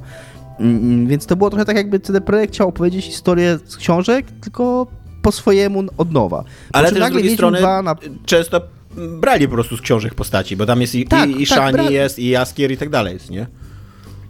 Tak, ale brali też motywy wprost takie fabularne. Ja bardzo pamiętam, tam był cały motyw z tą chatką kanibala, który był wprost wzięty z sagi, jak, i jak Ciri do niego trafia. E, więc to oni brali takie motywy fabularne i jakby na nowo to wszystko robili. I, a Wiedźmin 2 nagle na pełnej K wjeżdża tutaj wprost jeden do jeden kontynuacją książek, nagle wpada Yennefer, nagle mamy cały dramat jakby z Nilfgaardem, czego też praktycznie nie było w, w pierwszej części, więc to są tak jakby trochę dwa oddzielne byty, Wiedźmin 1 i Wiedźmin 2 i 3. Więc jestem ciekaw, na ile ten remake, na ile oni będą chcieli to jakby pogodzić ze sobą, czy, ta, czy pokuszą się o jakieś zmiany nie tylko w e, technologii, ale również narracyjne, żeby bardziej skleić ze sobą te, te trzy byty, bo ja mówię, ja w Wiedźmie 1 grałem bardzo dawno, bo ja grałem w niego jak wyszedł w 2007 roku i nie powtarzałem go sobie od tego czasu, więc może źle to pamiętam, ale no zawsze miałem takie wrażenie, że od kiedy tam zagrałem Wiedźmina 2 i 3, że one są super i jedynka też była super, ale jakby trochę one się nie kleją ze sobą. E, I są dwa tematy, które budzą jakieś tam kontrowersje. Po pierwsze, karty gołych bab, które się zdobywało jako achievki, osiągnięcia za ruchanie e, w grze. E, Co już wtedy było dyskusyjne. Jakby to, to nie jest tak, że kiedyś po prostu seksizm był spoko i, i wszystko było zajebiste. Już, już wtedy była ta gra krytykowana za to, e, że uprzedmiotawia kobiety. E, ale dzisiaj wydaje się, że absolutnie nie do pomyślenia to jest, żeby, żeby to było w grze. I ja stawiam wszystkie, no może nie, nie wszystkie pieniądze, które mam, nie powiem tak, ale jestem w stanie postawić dużo na to, że po prostu wywalą te, te karty i bez żadnych sentymentów i Ja e, nawet się pewnie nie będą tłumaczyć, co nie? Ja Słucham? mogę postawić wszystkie pieniądze, jakie mam. Ja mogę postawić wszystkie pieniądze, jakie mam, Tomek. E, ale z drugiej... No. Yy, Bo- Kończ, kończ, kończ, kończ. E, tak, no i druga, druga rzecz to jest to, czy zostawią. E, to były takie czasy jeszcze, kiedy ISO RPG nie nie żyły, o tak, więc oni próbowali jakoś, jakoś się odróżnić od innych ISO RPGów i stworzyli taki dziwny system walki, gdzie trzeba było potwierdzić cios y, w rytmie, dzięki czemu tam się dostawało jakieś bonusy, co nie? E, I teraz ciekawe jest, czy z tego też zupełnie zrezygnują, bo raczej to się nie przyjęło, raczej to nie było też zbyt wygodne, to było raczej jakieś dziwactwo Wiedźmina, co nie? E, czy, czy, czy jednak będą bronić tej decyzji i pozostaną przy niej jako jakiś taki wyznacznik Po pierwsze- tego, czym była ta gra? Po pierwsze, firma THQ zrobiła kiedyś taką grę, która nazywała się Summoner i należy o niej pamiętać, e, bo to była super gra e, i to jest z niej wzięty system. To w niej, tak, dziękuję Iga. E, THQ zawsze w sercach. Tak, Jak tak. zrobiłam ten gest z Mad Maxem, E, w THQ wydało, a zrobiło to Volition, czyli ci ludzie od... e, Czemu ja pamiętam takie rzeczy? Ja pieprzę. Ci ludzie od Red Faction później. E, I, A czy pamiętasz i, tak- o Westwoodzie? I o Westwoodzie to już w ogóle. E, I tam był ten Never Forget, to jest akurat. Westwood, to wiesz. Tak, to jest głęboko w naszych sercach. Tak. I jest to, jakby ja trochę rozumiem, czemu ten system taki był, bo jeżeli masz izometrycznego RPGa bez drużyny, w której masz jednego ludzika, to jedyna akcja to jest kliknięcie na wrogu i czekanie, aż on umrze, bo tam Wiedźmin też nie ma jakichś czarów i tak dalej, no to nie jest taki super angaż- angażujący gameplay, nie? Więc jest to jakieś wyzwanie, z którym, jeżeli tę grę tak faktycznie robią, to jest to jakieś wyzwanie, z którym będą się musieli zmierzyć. Ja e, trochę, trochę nie mam pomysłu, bo to jakby patrząc na trendy i na to, co ludzie robią, to musiałby być jakby, jakby pierwsze myśli idą w stronę systemu turowego, ale system turowy też z jednym ludzikiem, którym robisz jedną akcję w swojej turze i to jest machnij mieczem, to też nie, nie brzmi jak jakiś tam... To był zajebista turówka w ogóle. że, masz, że masz centralnie tylko tam ruch i machnij mieczem. Nic więcej jako akcji. Jeszcze I na wszyscy oprócz ciebie mają takie super zaawansowane ataki, strategie i taktyki, a ty jesteś tym, tym ziomkiem, I który jeszcze- stoi, tą najsłabszą jednostką, która zawsze stoi z przodu i tylko macha mieczem. I tak, i jeszcze ma taką, takie, takie, wiesz, taki e, myk, co mają te e, X-komy, że tam masz 99% na trafienie, ale i tak nie trafiasz. Ta twoja rura, Ale- polega na machnij mieczem, o, nie trafiłeś. Przykro mi, kurwa. Zanim nie spotka fala hejtu, to oczywiście wiem o tym, że Wiedźmin ma wiedźmińskie znaki i tak dalej, więc tam jest możliwe jakieś tam kilka innych czynności, które może wykonywać. Ale ja wciąż uważam, że gry turowe, w której jest jeden bohater, trochę nie mają sensu. I teraz Iga mnie znienawidzi, czy Iga mnie już nienawidzi. Iga chciała się bić ze mną dzisiaj, to możemy się bić teraz. A może- Dobra, nie Uważam, że chodzi. chodzi mi o Fallouta 1 i 2, że Tam system turowy, że masz, że masz, no masz drużynę, ale nie sterujesz nią. Więc jak No masz tak, jednego ludzika, Dajesz im broń, mówisz im, jak mają się zachowywać. No ale nadal tym ludzikiem robisz tylko jedną rzecz, czyli chowasz się za rogiem, czekasz, aż ktoś podejdzie, Wow, ale fajnie rogu. grałeś, ale fajnie grałeś w Fallouta, ty. Wow, Dominik, po prostu zyskałeś moich powie, że źle grałeś w Fallouta. Chował się za rojem, uciekasz na drugi koniec mapy i czekasz, aż wszyscy twoi no, a co innego, no to, no to druga taktyka to jest stać po prostu i, i wybierać cele i strzelać do nich. No, No co, tak. jakby, a, to nie jest żadna taktyka, tak? Jakby chodziło o to, że jedyna jakby możliwość wejścia w interakcję z tym światem to jest właśnie schowanie się za rogiem. Jakby nie możesz jakoś mm, współdziałać z, tym, z tymi postaciami z drużyny, więc to jest dosyć płytkie i takie no, nudne na dłuższą metę. Bo oni Więc, mają swoje mózgi, wiesz? Że nie, nie zapominaj jeszcze o bardzo głębokiej, o, o bardzo głębokiej e, mechanice loadowania e, poprzedniej tury po tym, jak Markus pojedzie ci, kurde, z grubego gana po wszystkich twoich przyjaciołach drużyny, co nie Albo, Bo po tak, prostu albo to robił, po prostu było tego, jego hobby, że nie? Rozrywać linię przyjaciół na i- strzępy. Tak, na początku tej linii był wróg i potem był Ian z jedynki i Ian miał bazukę, a ty stałeś za nim i on strzelał do tego typa, a ty dostawałeś. O tym Tak. też nigdy nie zapominaj. Więc to była, to była taktycznie, gameplayowo bardzo głęboka gra, Dominik. No więc obawiam się, że- Wiedźmin, który ma, tylko macha mieczem tak naprawdę i tam używa jakichś tam znaków Dwoma trzech mieczami. krzyż. Dwoma mieczami, jed- jeden jest na potwory, drugi na ludzi, ale tak naprawdę oba To, są to na ludzie to potwory. potwory, więc oba są na potwory, tak. Już to ustaliliśmy. Miecz przeznaczenia też ma dwa końce. Jeden Dwa- jest na dwa- potwory, a dwa drugi jest na ostrza, potwory. dwa ostrza. Dwa To ostrza. ostrze, to, że ma dwa, Jak dwa końce, to jest dosyć oczywiste. Dwa końce. Miecz przeznaczenia ma dwa końce. To jest moja nowa saga, inspirowana Wiedźminem. Każdy Przepraszam. miecz przeznaczenia ma dwa końce, tak powinno być.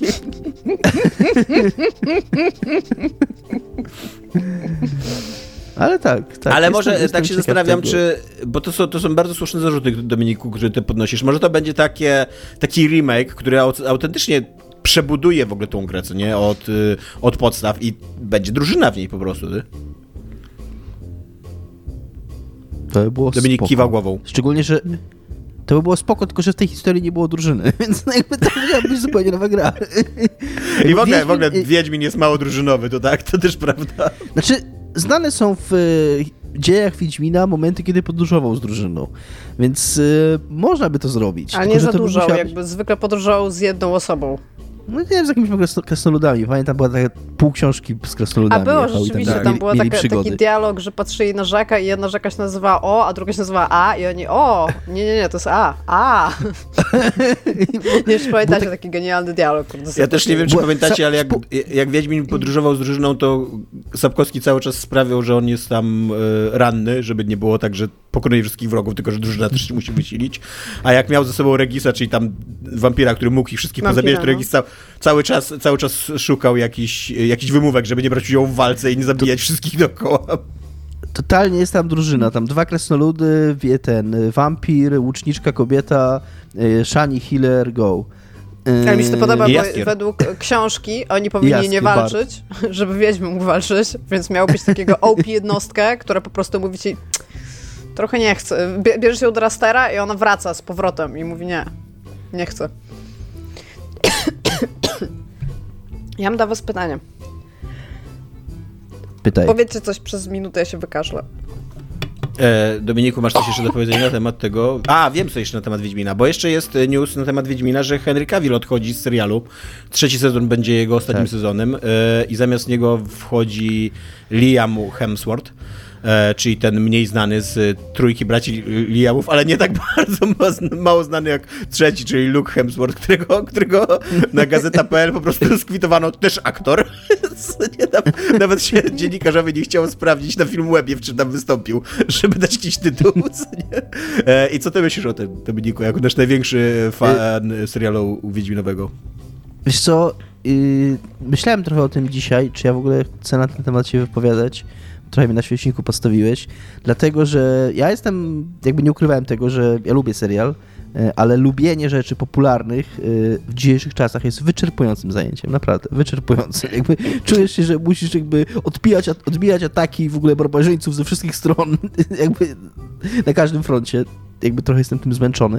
E, Nie poruszył mnie ten news jakoś szczególnie, mm, ale mnie bardzo zdziwił, bo wydawało mi się, że takie rzeczy w przypadku takich projektów są zabezpieczone milionem klauzul i takimi karami finansowymi i jakimiś umownymi, że, że, żeby właśnie coś takiego się nie wydarzyło. Bo wydaje mi się, że strata, mm, niezależnie od tego, co myślimy o tym serialu, czy on się wam podoba, czy on się wam nie podoba, m, mówię teraz do słuchaczy i, i, i czy, czytelników nas. naszych, naszego bloga, no wa, wasze opinie znam mniej więcej, nie?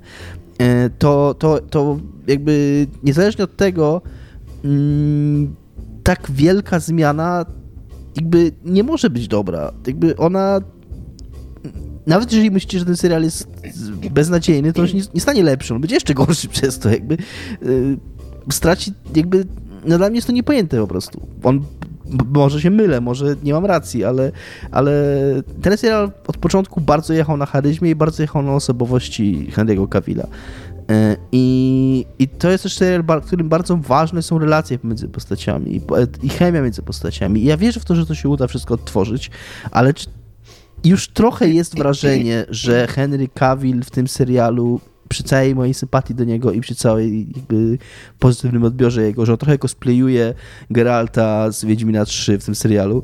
Więc teraz będziemy mieli Liama Hemswortha cosplayującego Henry'ego Cavilla, który cosplayował Wiedźmina 3, z- Wiedźmina, Geralta z Wiedźmina 3, więc tam a dude playing a dude, this guy is another dude, no. Więc no nie wiem, dziwne to jest. To jest moje dziwne, główne, główne moje odczucie jest takie, że to jest dziwne. Nie rozumiem. Ja mam tylko Czy taką mogę- myśl, że podmiana głównego aktora, jeżeli to nie jest na przykład, nie wynika z choroby czy śmierci tego głównego aktora, w takiej produkcji to, jest, to zawsze oznacza jakieś złe wieści, że tam być może się nie za dobrze dzieje, albo być może te umowy nie były zbyt dobrze podpisane. I jakby też mówię, jakby to nie znaczy, że ten serial jest skazany na zagładę i że on będzie nagle jakiś dużo, gorszy, dużo, dużo gorszy, bo możliwe, że Liam Hemsworth okaże się jakimś kurde objawieniem i, e, i, i, i po prostu stworzy super Wiedźmina, ale to jest y, no dziwne, tak jak mówi Dominik, nie?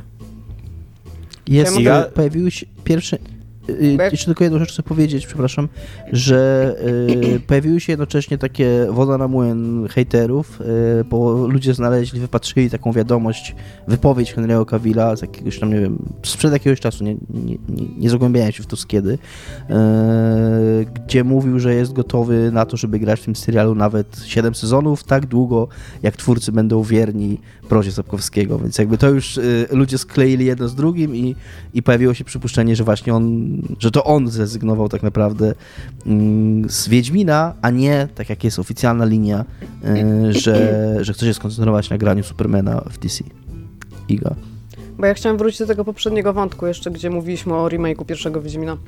E, ja mam do was takie jedno pytanie, bo jakby ja sobie zdaję sprawę z tego, że to jest dobra decyzja biznesowa, żeby zrobić remake pierwszego Wiedźmina, szczególnie, że to jest stara gra i od niej się bardzo łatwo odbić in this day and age. A, ale czy nie jest wam trochę przykro, bo mi jest zawsze przykro, jak third parties robią remake'i czegoś zamiast robić swoją własną grę? Nie, bo y, Fool's Theory wydaje się być bardzo nas, nas- nastawione takim z, studiem na pomaganie, jakby na taki, wiesz... No ale oni teraz coś robią według ich strony z, z 11 bitami, w sensie Ale- mają. No mają ale bardzo możliwe, że projekt. nadal będą to robić, no. Jakby Tak, spoko. tak, ale jakby ci, ci ludzie, którzy robią remake Wiedźmina pierwszego, mogliby robić nowe IP, nie? Is what I'm saying. No, nie mogliby, bo być może biznesowo to się by nie spięło i być może zamiast robić jedną grę i jeden remake, nie robiliby w ogóle nic, bo nie mieliby pieniędzy, no. Może. Jakby nie, mi to, mi to w ogóle nie przeszkadza. Nawet, nawet wolę, jak taki remake robi jakieś inne studio, bo to jest jakieś spojrzenie inne z zewnątrz, nie? Jakby mm, tego klasycznego Wiedźmina, którego zrobiło CD Projekt Red, ja mogę zagrać cały czas. E, A teraz zobaczymy, co tam Full Story ma do powiedzenia w Tak, tej jakby, sprawie. tak, co nie? tak, ale jakby wciąż ja bym wolała, żeby zrobili nowe IP i coś swojego. Mając do wyboru te dwie rzeczy. Bez względu na okoliczności. To ja. Tylko ja tak mówię. Y, jeszcze jednym argumentem za jeszcze inną interpretacją, znaczy jeszcze inną, tą, tą pierwszą, tą wyjściową moją interpretacją tego, czym będzie ta gra, e, jest to, że w Full Theory pracują ludzie, i którzy, tak jak już CD Projekt w tym pierwszym ogłoszeniu, zapowiadał, że ten zewnętrzny deweloper, z którym nawiążą współpracę, ma historię prac nad tą marką już e, i że w Full Story pracują ludzie, którzy robili wcześniej przy Wiedźminie 2 No i okej, Wiedźminie to jest 3. powiedzenie niczego w game devie w Polsce, gdzie jest Ja 12 wiem, ale osób. chodzi mi... Ja wiem, ja wiem, ale chodzi mi o to, że, to, że jakby jest podkreślone to, że yy, że, yy, że to są ludzie od Wiedźmina 2 i Wiedźmina 3, a nie ludzie od Wiedźmina 1, więc No ale to, cho- o, chodzi mi o to, że Wiedźmina 3 robiło milion ludzi. Jakby ci ludzie po tym projekcie sobie poszli i poszli do innych studiów. I jakby każde studio może powiedzieć, że ma u siebie jakiegoś człowieka, który robił Wiedźmina. Jestem stuprocentowo pewna, jakby tutaj no tak, moje ale, pieniądze pod, idą. ale podkreślili, że Wiedźmina 2 i Wiedźmina 3, a nie Wiedźmina 1. Tak. Ludzie, którzy, ludzie, którzy robili Wiedźmina 1 już nie żyją po prostu, bo to było dwe- 300 lat temu.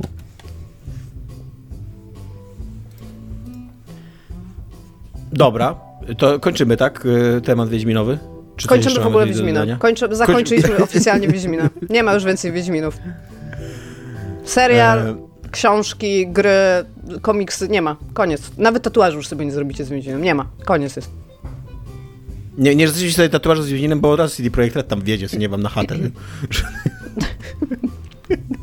E, Dobra, w takim razie starość. E, Pytania, żeby znowu nie przepadły, to zadam wam teraz pytanie. Jaka minimum 20-letnia gra waszym zdaniem najlepiej się zestarzała? Iga, e, ty jak rozumiem zinterpretowałaś to zdanie, że dokładnie ma mieć 20 Ja lat. zrobiłam. tak? To, było, to było w ogóle tak, że Tomek wysłał te pytania tam tydzień temu. Ja usiadłem i ja mam ostatnio taki mm, nostalgia trip, że tak powiem, i sobie gram w bardzo dużo gier z GameCube'a, sobie gram z gry z Nintendo 64, e, bardzo stare tam jakieś gry na PSX i na PS2, po prostu sobie tak odpalam, ale też jakieś tam Game Boye weszły, Wonder Swany weszły, tam naprawdę, kurde, Dreamcast sobie otwieram takich trochę drzwi i sobie tam gram w różne rzeczy. I stwierdziłam, że jak Tomek napisał co najmniej 20-letnia gra, to ja stwierdziłam, że ja zobaczę gry z 2002 roku. To był mój thing. I sobie nawet trochę z nich pograłam, żeby nie było, że, że nie zrobiłam researchu. Bo się przykładam tutaj do, do researchu przed, przed nagraniami. I chcę powiedzieć, że ze wszystkich gier, które wyszły w 2002 roku, moim zdaniem osobistym, najlepiej zestarzało się Legend of Zelda Wind Waker, bo ta gra jest jakby wciąż współczesna i nie ma za wiele nowych rzeczy, które dodali do jej remake'u, który później wyszedł od, z ręki Nintendo i jakby cały czas gra się w nią bardzo, bardzo dobrze i to jest genialna gra. E, patrzyłam również na Metroid Prime, ale moim zdaniem Metroid Prime, ten pierwszy na GameCube'a, się dużo gorzej zestarzał. Jakby da się w niego grać, tylko że jakby ja w niego grałam kiedyś, więc pamiętam tą grę. Jeżeli by usiąść do niego teraz, to niekoniecznie by się fajnie w nią grało, ale jeżeli teraz ktoś by wam postawił GameCube'a, podpiął go do telewizora, dał wam pada i to by był Wind Waker, to jesteście w stanie przejść tą grę od początku do końca, wszystko kumacie i to jest jakby wciąż bardzo dobry, dobra Zelda i dobry tam TPP action adventure. A nie Więc spojrzałaś jest- na GTA Vice City, które też wyszło w 2002? Dużo gorzej się zestarzało niż Wind Waker, przez to, że Wind Waker jest mega fajnie stylizowane. Ono ma to naprawdę tak, ten cel shading i ten taka kartunowość jej, e, to się bardzo, jakby to, to wiesz, to, to jest tak samo aktualne wtedy jak teraz, nie? Jakby to, to jest naprawdę spoko. Vice City po prostu bije po oczach poligonami, nie? W sensie to jest kanciasta gra, kurde, jak się w nią gra. Ono, to nie wygląda tak dobrze. Jednak te I do- takie I kolory Wind Wakera i wszystko jakby, wiesz, wie, dają radę, Ten nie? remaster, remaster, który Rockstar wydał niedawno też pokazał, no ta gra wygląda paskudnie teraz. Tak, tak, no po prostu jest tam ten. Wyszedł też na przykład Morrowind, który zestarzał się już w momencie, jak wyszedł, to miałam wrażenie, że to była z jakiegoś powodu stara gra. Be- Bethesda to do siebie ma, że potrafi wydać cinówkę sztukę gry, która wygląda jakby ktoś na nią zażygał po prostu, jakby tam spoko. Ale no, Czekasz na Fallouta rzeczy... 5, co? O Jezus Maria. Mm, mm, będę grane. No nie, nie. Jakby mam... E, patrząc, bo ja robiłam w ogóle też taki ostry research na temat Bethesdy i tego, kiedy się można spodziewać w ogóle Fallouta 5, tak w takim normalnym timeline'ie ich pracy, nie? I jakby przez to, że oni teraz pracują nad Elder Scrollsami i tymi, jak się nazywa to w kosmosie? Starfield. Starfield. Tak, i Starfieldem, to biorąc pod uwagę, ile powstają ich gry, to następny Fallout to będzie jak ja już być może będę nie żyć. I jakby, i to, i, i nawet jakby spoko Jest jakieś pocieszenie, jest. co nie? Tak, tak, jakby być może nigdy w życiu nie będę musiała pograć w Fallouta 5. To jest jakby, ja, oni by musieli, nie wiem co zrobić, oni by musieli po prostu wydać już w tym momencie co najmniej średnią grę, albo Fallout Shelter 2, jakby to by było jakieś zadośćuczynienie, ale po czwórce i trójce, patrząc na to, że trójka była fatalną grą, czwórka była trochę lepszą grą, to teraz jakby wydaje piątkę, która była, była trochę lepsza niż czwórka, to ja już, ja bym, to, to, to już nie ma znaczenia jakby w, w, pomiędzy, tymi, pomiędzy tymi premierami, nie? Więc Dominiku. tak, e, chciałam, nie, bo chciałam A, tutaj dać jeszcze Dominiku. jeden, jeden film. przepraszam. E, w 2002 roku wyszło też Time Splitters 2, które at that time było super fan i miało w ogóle fajny multi and shit i naprawdę było super fan. Bardzo się zastarzała ta gra, jednak się okazuje na koniec dnia, więc sprawdziłam trochę rzeczy. Dobre pytanie, Tomaszu. Polecam. Dominiku, przynajmniej 20-letnia gra, która się w ogóle nie zestarzała. E, Pozwoliłem sobie nie pójść e, na łatwiznę i nie powiedzieć Baldur's Gate, chociaż miałem e, taką pokusę. Zwłaszcza, pod- że wielokrotnie udowadniałeś w tym serialu, znaczy w tym serialu, w tym podcaście sam, że się zestarzała ta gra, jakby, więc trochę byłbyś, trochę byś e, grał do własnej bramki, teraz strzelał.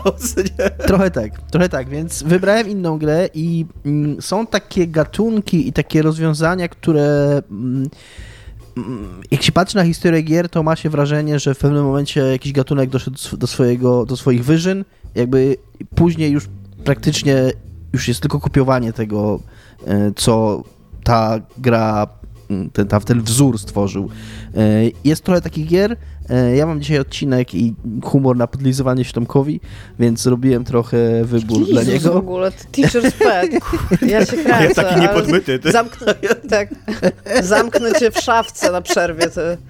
i spuszczę ci wodę w kiblu. I wybrałem grę 25-letnią, jest to Castlevania Symphony of the Night, która... To się liczy w ogóle co najmniej 20 lat. A, ja źle pomyślałam. To Tak, źle. Tetris. Tetris. która wydaje mi się, ja nie jestem jakimś super y, znawcą Metroidvanii, y, ale jeżeli chodzi o ten format rozgrywki, to w tą grę grałem bardzo dużo na Xboxie i jeżeli chodzi o ten format rozgrywki, to wydaje mi się, że to było takie ostateczne scementowanie go i że wszystko, co później już nastąpiło w tym gatunku, to jest tak naprawdę odwoływanie się do Castlevanii Symphony of the Night, która y, no, obecnie jakby jest tak samo grywalna, jak była w 97 roku i naprawdę spoko wygląda cały czas. Ja e, poszedłem po linii najmniejszego oporu i po prostu powiem, że Doom 1 i 2, e, bo to są gry, które są niesamowicie Też- też grywalne. chciałem. nie? Ja, Tak, tak. Ja jakiś czas temu kupiłem sobie tam za Potwierdzam. 4 zł chyba leciały dumy i to jest niesamowite jak te gry po prostu o, od y, pierwszej sekundy od razu tam wchodzisz, słyszysz muzykę, zaczynasz strzelać i biegniesz przed siebie i zabijasz potworki i to jest czysty fan, co Czy nie? wy wiecie, czy wy wiecie, że dotarliśmy już do momentu, że ktoś uruchomił Duma w Dumie? To się stało realnie? Jakby dziękujemy, skończyliśmy ten, powiedzieć, też chciałem konkurs. powiedzieć Doom. Jakby to była jedna z moich myśli, bo też niedawno jak e, Microsoft wrzucił do Game Passa Dooma 1 i 2, to odpaliłem i pograłem trochę na konsoli i byłem pod wrażeniem, jak to się dobrze gra na Xboxie dzisiaj w Dooma, kurde, 1. Tak, dobra, drugie pytanko, y, bo są trzy takie pytanka, to jest, y, co sprawia według was, że stara gra e, jest taka stara w złym znaczeniu, co nie? Tego słowa, że jest, że jest dzisiaj szrotem albo ramo, ramotą. E, I ja powiem od razu tak, żeby wytłumaczyć trochę to pytanie, że ja sobie tak pomyślałem, grając w Fira ostatnio jedynkę, e, że to jest stara gra pod względem tego, jak na przykład traktuje postaci kobiece jako e, fabule. Że to jest coś, m, na czym wydaje mi się, że jesteśmy dzisiaj dojrzalsi i że zadajemy sobie pytania, na przykład o o to, jak coś zostanie odebrane i, i, i jak, jak, jak, jak, to, jakby w jakim to kontekście przedstawiamy i tak dalej.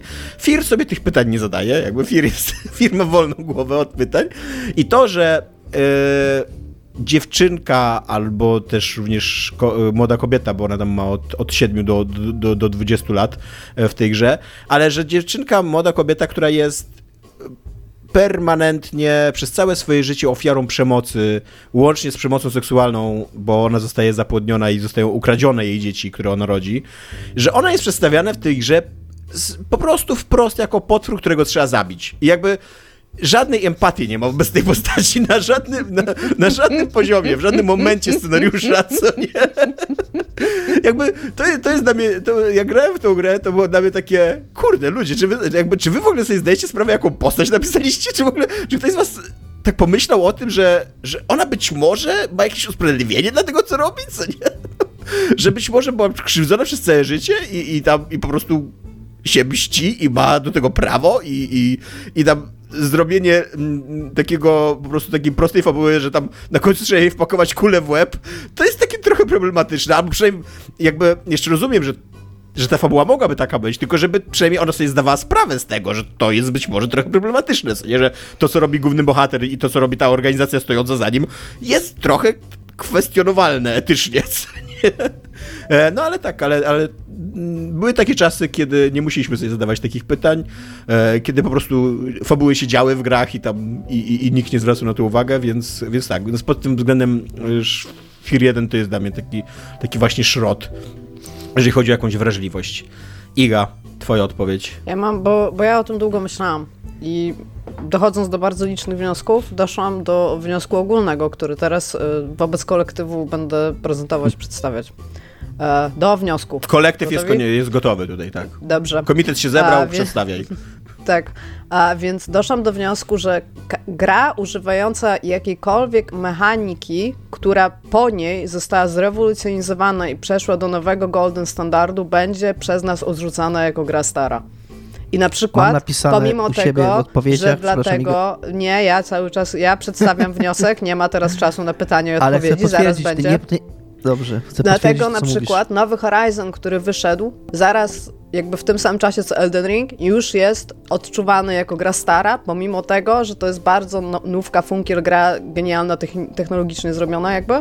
Już jest grą starą przez to, że jakby zre- zreewoluowano jej podstawowe założenia w, innej, w innym rodzaju open worlda.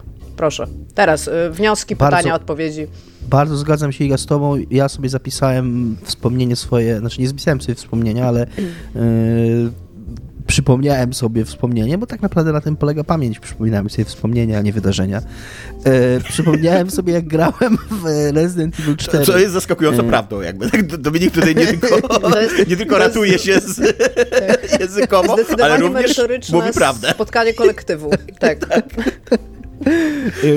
Kiedy kupiłem Resident Evil 4 na Xboxa po przejściu do Resident Evil 2 y, z takim, wow, jestem teraz fanem Resident Evil, będę grał w Resident Evil 4, który kiedy wyszedł był przyjęty entuzjastycznie i to była O, fenomenalna jaka gra. to była nowoczesna gra, no. Tylko to były jeszcze czasy, kiedy trochę nie, nie ogarnięto tego, jak na konsolach będą działać gry TPP. I ona miała jakieś swoje pomysły na to, jak te gry TPP będą działać. I one się wydawały wtedy spoko i fajne i rewolucyjne. Tylko, że w międzyczasie od jej premiery to się to, to totalnie zmieniono. Jakby ogarnięto, jak, się, jak, robić gry y, trzecioosobowe strzelanki na konsolach. I w to, się gra, w to się po prostu nie da grać. Ja rozumiem ludzi, którzy tę grę pamiętają, mają do niej nostalgię, są przywiązani do tego systemu, że nie możesz strzelać idąc, musisz y, stanąć w miejscu i wtedy bierzesz kursor i ruszasz tym pistoletem. Okej, to nie jest dobry system, to nie jest fan i to jest po prostu kiepskie. I to się bardzo klei z tym, co Iga powiedziała właśnie, że kiedy to wyszło, to mogło być rewolucyjne, ale kiedy standard się scementował i ten standard ma inne rozwiązania, to niestety no, można to uzasadniać milion, na miliony sposobów, ale po prostu trudno się z tym pogodzić. A druga rzecz jeszcze, którą sobie tu zapisałem, to był taki okres początku rozwoju grafiki 3D. Mm, Te gry wyglądają teraz paskudnie. Tak jest powiedzmy z To początku prawda. lat 2000. E, Myśl, myślę ostatnio trochę właśnie przez to, że gram w izometryczne RPG cały czas, e, że jest jedna duża gra, której nie mam zrobionej, nigdy nie grałem w Neverwinter Nights 2, której przy okazji zrobił Obsidian, ale jak patrzę na screeny z tej gry, to ta autentycznie ona dzisiaj wygląda brzydziej niż Baldur's Gate dzisiaj wygląda. Dlatego, że jest właśnie Baldur's Gate jest takim 2D pikselowym i on jakby się broni ciągle jakoś tam, w jakiś tam sposób swój. A Neverwinter Nights 2 wygląda po prostu szkaradnie i przez to pewnie w to nie zagram nigdy. Pamiętacie, jak Tomb Raidery pierwsze wyglądają? No, To jest, to jest, to jest dzisiaj po prostu tak, taki, taki żart, jakby, jak ci pokazali tą grę, co nie? Tak, tak. E, ja tutaj chciałbym tylko, e, zamykając spotkanie tego komitetu, e, jakbym musiał tylko taki appendix, żeby został wybrzmiał, żeby, żeby do protokołu zanotować, że Iga wydaje mi się, że to, co mówisz, jest bardzo mądre, aczkolwiek siły kontrrewolucyjne e, e, są bardzo silne w tym, e, w tym temacie i pamiętaj, że już raz myśleliśmy, że open world zostały zrewolucjonowane przez Zelda, Breath of the Wild, to się nie wydarzyło i bardzo się w ogóle nie zdziwię, jak e, po Elden Ring to też się nie wydarzy. Tylko będzie biznes as usual, jeżeli chodzi o open worldy i dalej będą reakcyjne, antyrewolucyjne, konserwatywne open worldy. Do, tak. Zanotowano do protokołu. E, I ostatnie pytanko, jakie mamy tutaj, jeżeli chodzi o starość, to mechanika popularna w starych grach wideo, która kiedyś wam nie przeszkadzała, albo ją lubiliście, a dzisiaj jej nie znosicie. I to znowu, bo ja te pytania przygotowywałem właśnie grając Fira, znaczy tak sobie pomyślałem, że fajnie było y, pogadać o tym, że jesteśmy starzy. I no i to y, już wyśmieliśmy wtedy, chyba tydzień temu, czy dwa tygodnie temu, że to jest ta latarka, 10-sekundowa latarka, em, która kiedyś wydawała się jakimś takim interesującym e, kompromisem pomiędzy tym, że trzeba dać graczowi szansę oświetlić pomieszczenie, a tym, że jednak e, w jakiś sposób musimy utrzymywać klimat grozy i, i niebezpieczeństwa. Jest to niesamowicie głupi kompromis. Jakby tak e, w historii głupich kompromisów, e, jakie mamy w historii, to tam jest kompromis aborcyjny, a później latarka, co nie? No, więc e, więc e, na, na, na śmieci z tym i w ogóle wywalić e, i, i, i cieszę się, że jakby, że dzisiaj ich nie ma. I tak jak rozmawialiśmy wtedy, że to, co, to, co nawet robi Resident Evil współczesny, co nie? Że, że po prostu fabularnie postać decyduje, kiedy wyjmuje latarkę, to jest dużo bardziej eleganckie niż to, że, ma, że, że jesteś super żołnierzem przyszłości, który ma, kurde, latareczkę taką na 20 sekund, która się później wyłącza, bo mi się bateria wyładowała. Ja nie wiem, czy, czy, czy ta bateria to jest jakiś akumulatorek, który on tam ładuje tak, tak ręcznie, jak, Tak, jak takie wym, ruskie wym, były. wym, tak. no. Czy on po prostu nosi ze sobą tam 300 baterii i bardzo szybko wymienia, co nie, a, a w międzyczasie. E, I, i, I tak. I, no i to był kiepski, słaby kompromis. Mówię, kiedyś jak go, jak kiedyś ja nawet uważałem, że to jest w ogóle taki krok naprzód, co nie? Bo tam pamiętam jeszcze takie czasy, że się oświetlało korytarze strzelając z karabinu po prostu, bo to było takie wow, że XXI wiek mamy, że strzały są efektami świetlnymi, co nie? I że można sobie oświetlić jakąś cie, cie, ciężką ścieżkę strzelając e, serią. E, więc ta, ta, ta latarka wydawała mi się taka super, super hiper, a dzisiaj absolutnie mnie, śmieszyło mnie to przez całego Fira, nie? Dominik? E, ja nie wiem, czy odpowiem na to pytanie, być może odpowiem na inne pytanie, bo... Niczego innego się nie spodziewałem. Już Właśnie byłem bardzo rozczarowany, że dwa pierwsze, dwa, dwie pierwsze odpowiedzi były takie w sedno. Yy, bo nie przyszła mi do głowy żadna mechanika, natomiast pa, pamiętam jak jedno z pierwszych wspomnień związanych z czytaniem o grach to było czytałem o grze Kalko i Kokosz, to była polska przygodówka e, i tam się chwalili, że tam ileś tam set animacji e, jest w grze, co było takim marketingowym bełkotem, chodziło po prostu o animacje ludzików, które chodzą po ekranie, ale w mojej dziecięcej głowie jawiło się to jak, mili, jak, jak bardzo dużo tych przerywników filmowych, cutscenek, bo, jakby, bo to mi się wydawało, jak byłem mały, takie najbardziej animacja. rewolucyjne. Okej. Że to jest animacja, że gra, że gra wyświetla animacje jakieś i te wszystkie i intra, outra, jak czytałem w Secret Service gdzieś tam, że Final Fantasy VII ma zakończenie, które trwa 30 minut, y, to, to się wydawało takie monumentalne i wspaniałe, że gra ci puszcza film nagle. Y, A teraz to mnie strasznie męczy, więc moja odpowiedź to cutscenki y, i szczególnie, szczególnie Czyli cutscenki na początku gry. antymechanika. Tak, szczególnie cutscenki na początku gry, bo jak to jest na koniec, po 60 godzinach, czy tam 80 jestem zainwestowany w to, to jeszcze to przełknę. Ale jeżeli ja odpalam grę jeszcze, szczególnie teraz jak jest Game Pass, to jakby dużo łatwiej jest po prostu wziąć jakąś grę i odpalić. I ona mi każe, zanim w ogóle ja zobaczę, czy ja chcę w to grać, obejrzeć ku na 10 minut filmów. A właśnie, to jest to- jakaś świeża rana? no to- Coś odpaliłeś teraz, tak? I cię tak nadziało? e, nie pa- mam, nie wiem, czy coś konkretnie... Kucherciu, dude, kto cię skrzywdził? Nie, miałem przy ostatnio przy paru grach takie wrażenie. No, nie, nie przywołam sobie teraz jakiegoś konkretnego tytułu, Yy, ale, ale jest- są wyjątki oczywiście od tej reguły. Wciąż Jakuzy mają fenomenalne cutscenki i cutscenki z Jakuzy mogę oglądać, yy, ale, ale to są jakieś tam wyjątki od reguły. Yy, no nie, nie wiem. Frog Detective takie- 3 ma jakieś takie- skandalicznie długą kascenkę na początku. Wynudziła mnie strasznie w ogóle, odpadłem od tej gry przez to. Ma kascenkę Tak. na początku. Iga, a jaka jest twoja odpowiedź? To jest taka pół na pół odpowiedź. Nie wiem, czy mamy taki segment. E, bo to nie jest stricte mechanika, tylko sposób poprowadzenia tej mechaniki. I ja jestem.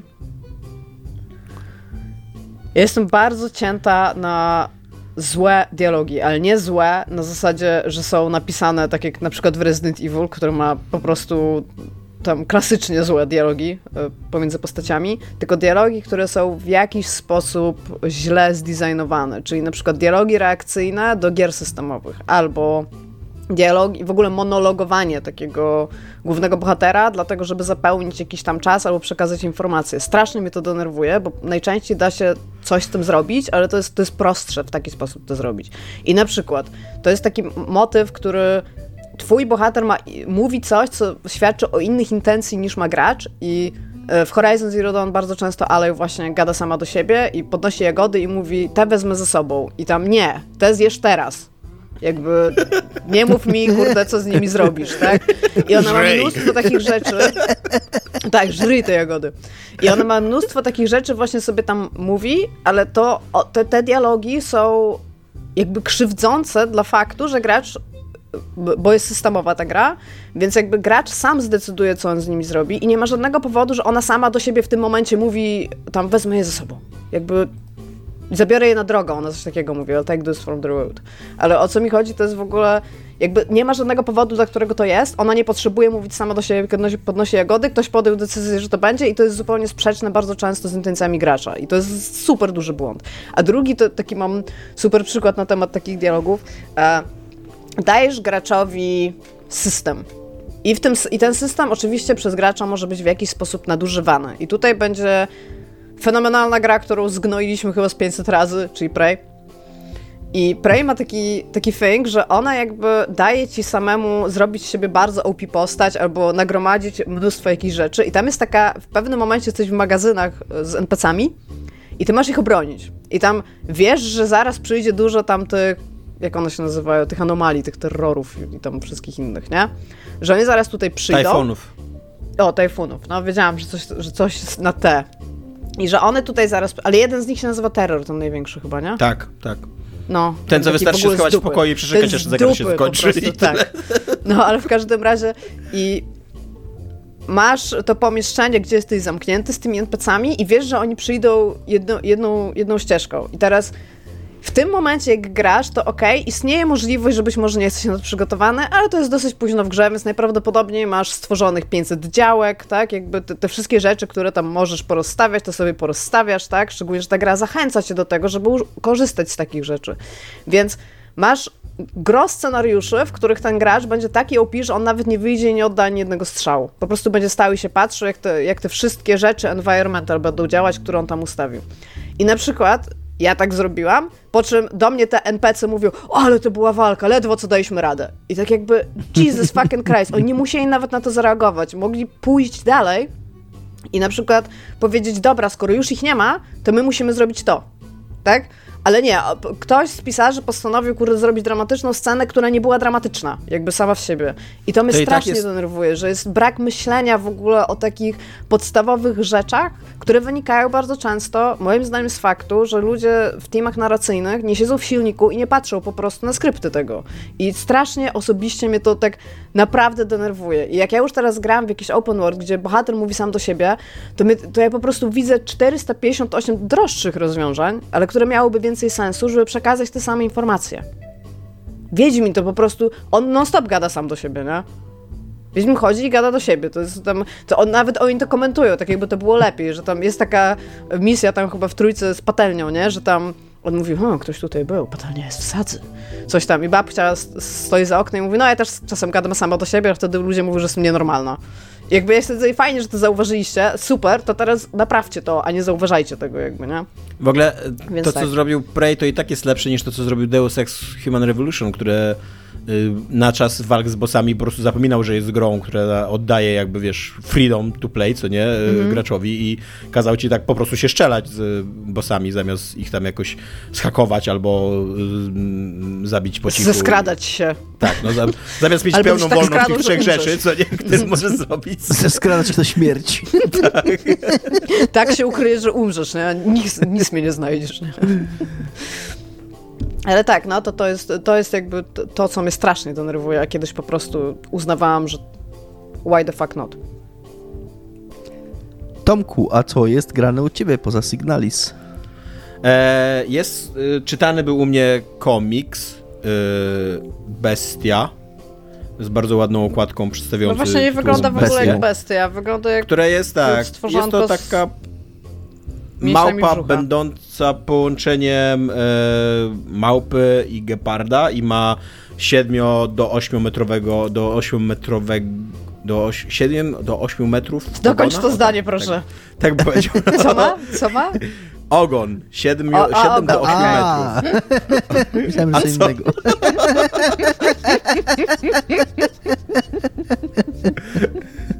Ja widziałam, ja i Dominik pomyśleliśmy o tym samym i to nie był ogon. Nie I było gardzę wami, i gardzę wami. To jest komiks dla dzieci. Opowiada o z dziecku. o, Z ośmiometrowym ptągiem. Dominik już w ogóle się nie bawi tutaj. Nie do powiedzenia jakieś. Nie, to o chuja chodzi. Jakbyście nie zrozumieli jeszcze.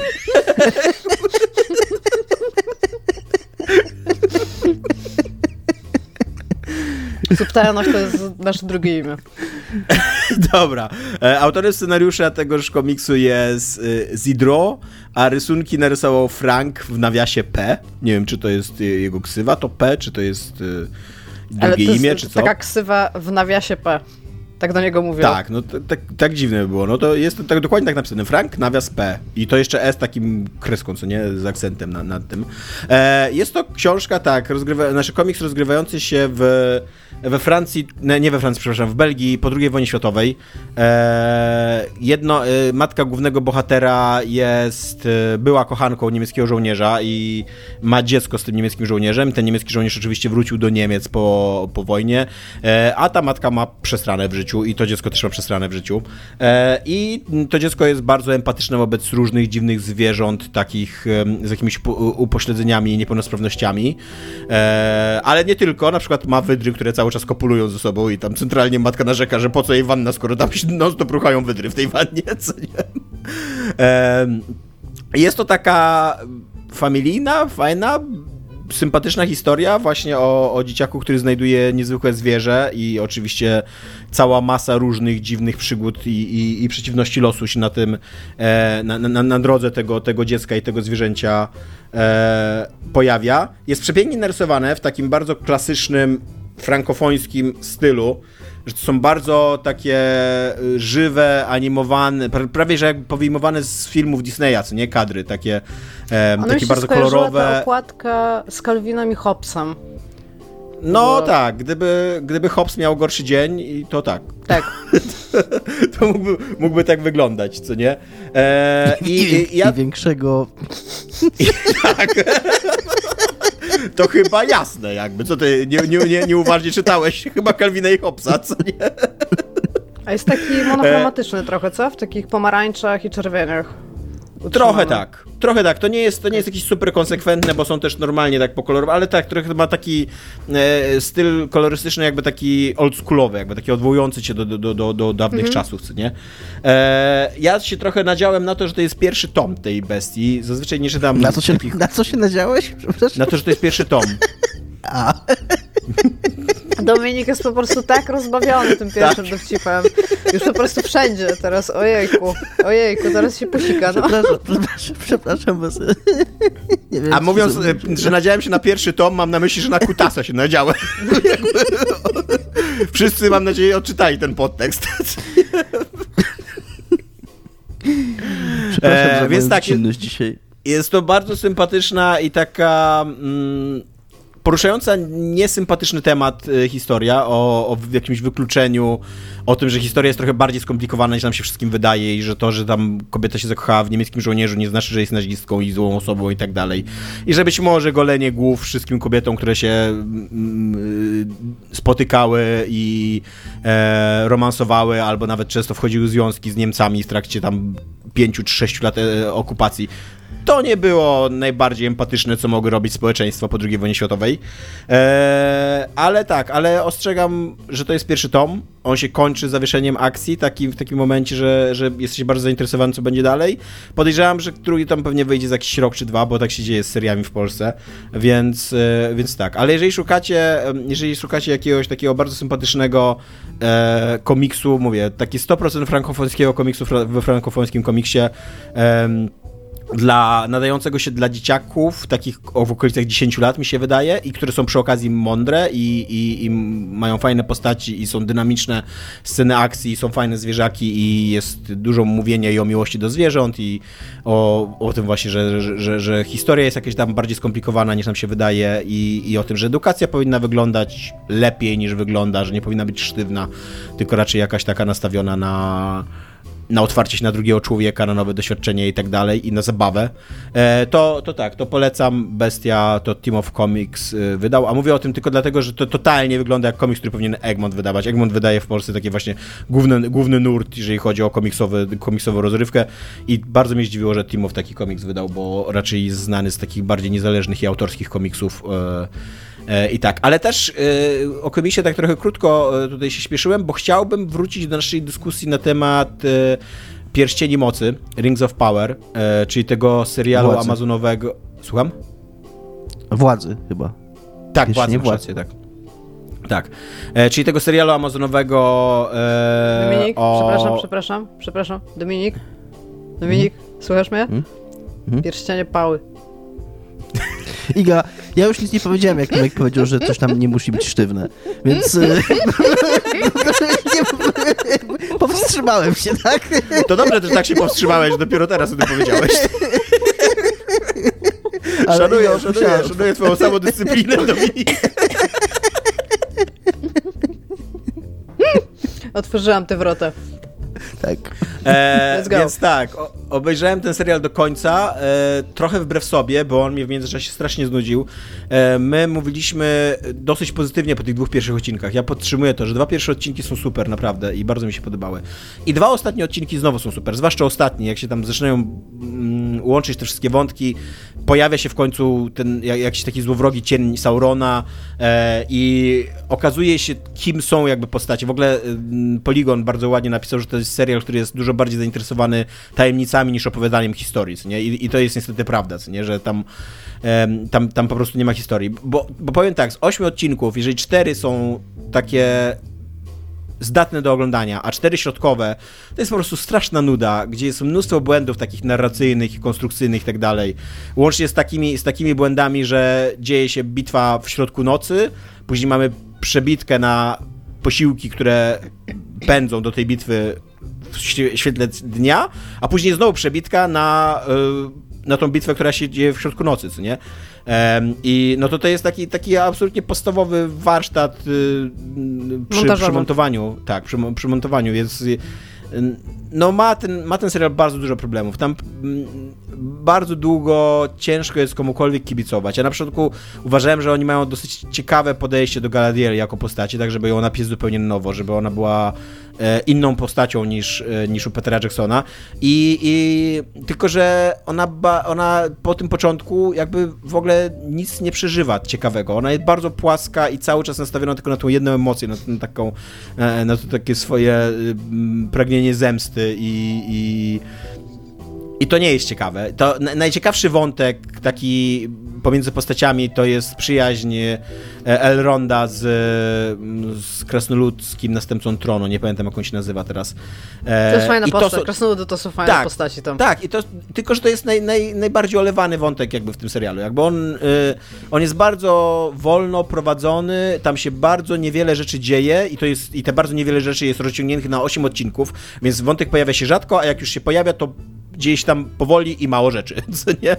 E, I, I to, że tam jest ta taka fajna chemia pomiędzy tymi, bohater, tymi bohaterami, to, to jest super, ale przydałoby się, żeby było więcej tej chemii, żeby po prostu ten ciekawy wątek, żeby go było więcej. Tak samo w wątku e, hobbitowym też to jest praktycznie wątek tylko o tym, że oni idą. I ja wiem, że u Tolkiena przez 200 pierwszych stron książki hobbity też szły I, I to było, ale to było równie nudne i nieciekawe.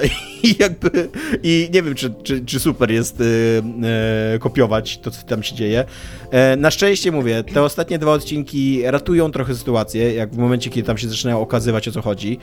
E, ale mam nadzieję, że jeżeli ja wrócę do tego serialu tam na drugi, trzeci sezon i czwarty i piąty, bo chyba ma 5, 5, 5, 5 sezonów. E, dużo, dużo serialu to jest w takim razie. To mam nadzieję, że to jednak będzie lepiej opowiedziane, że, że, że oni znajdą jakiś taki, nie wiem, rytm, e, jakiś pomysł na to, co, co, co chcą opowiedzieć, bo teraz to trochę wygląda tak, jakby mieli w rękach naprawdę taki samorodek złota i totalnie nie wiedzieli, jak, te, jak, jak, jak, wydobyć z niego ten klejnot, nie? Który, który mają. Jakby, jakby, nie wiem, czy ta metafora w ogóle ma sens górnicza. Ale dzisiaj, wiesz, dzisiaj tworzymy aforyzmy i metafory, ale tak, ale... możemy tworzyć. Dob dobrze, że klejnot mają w rękach, no.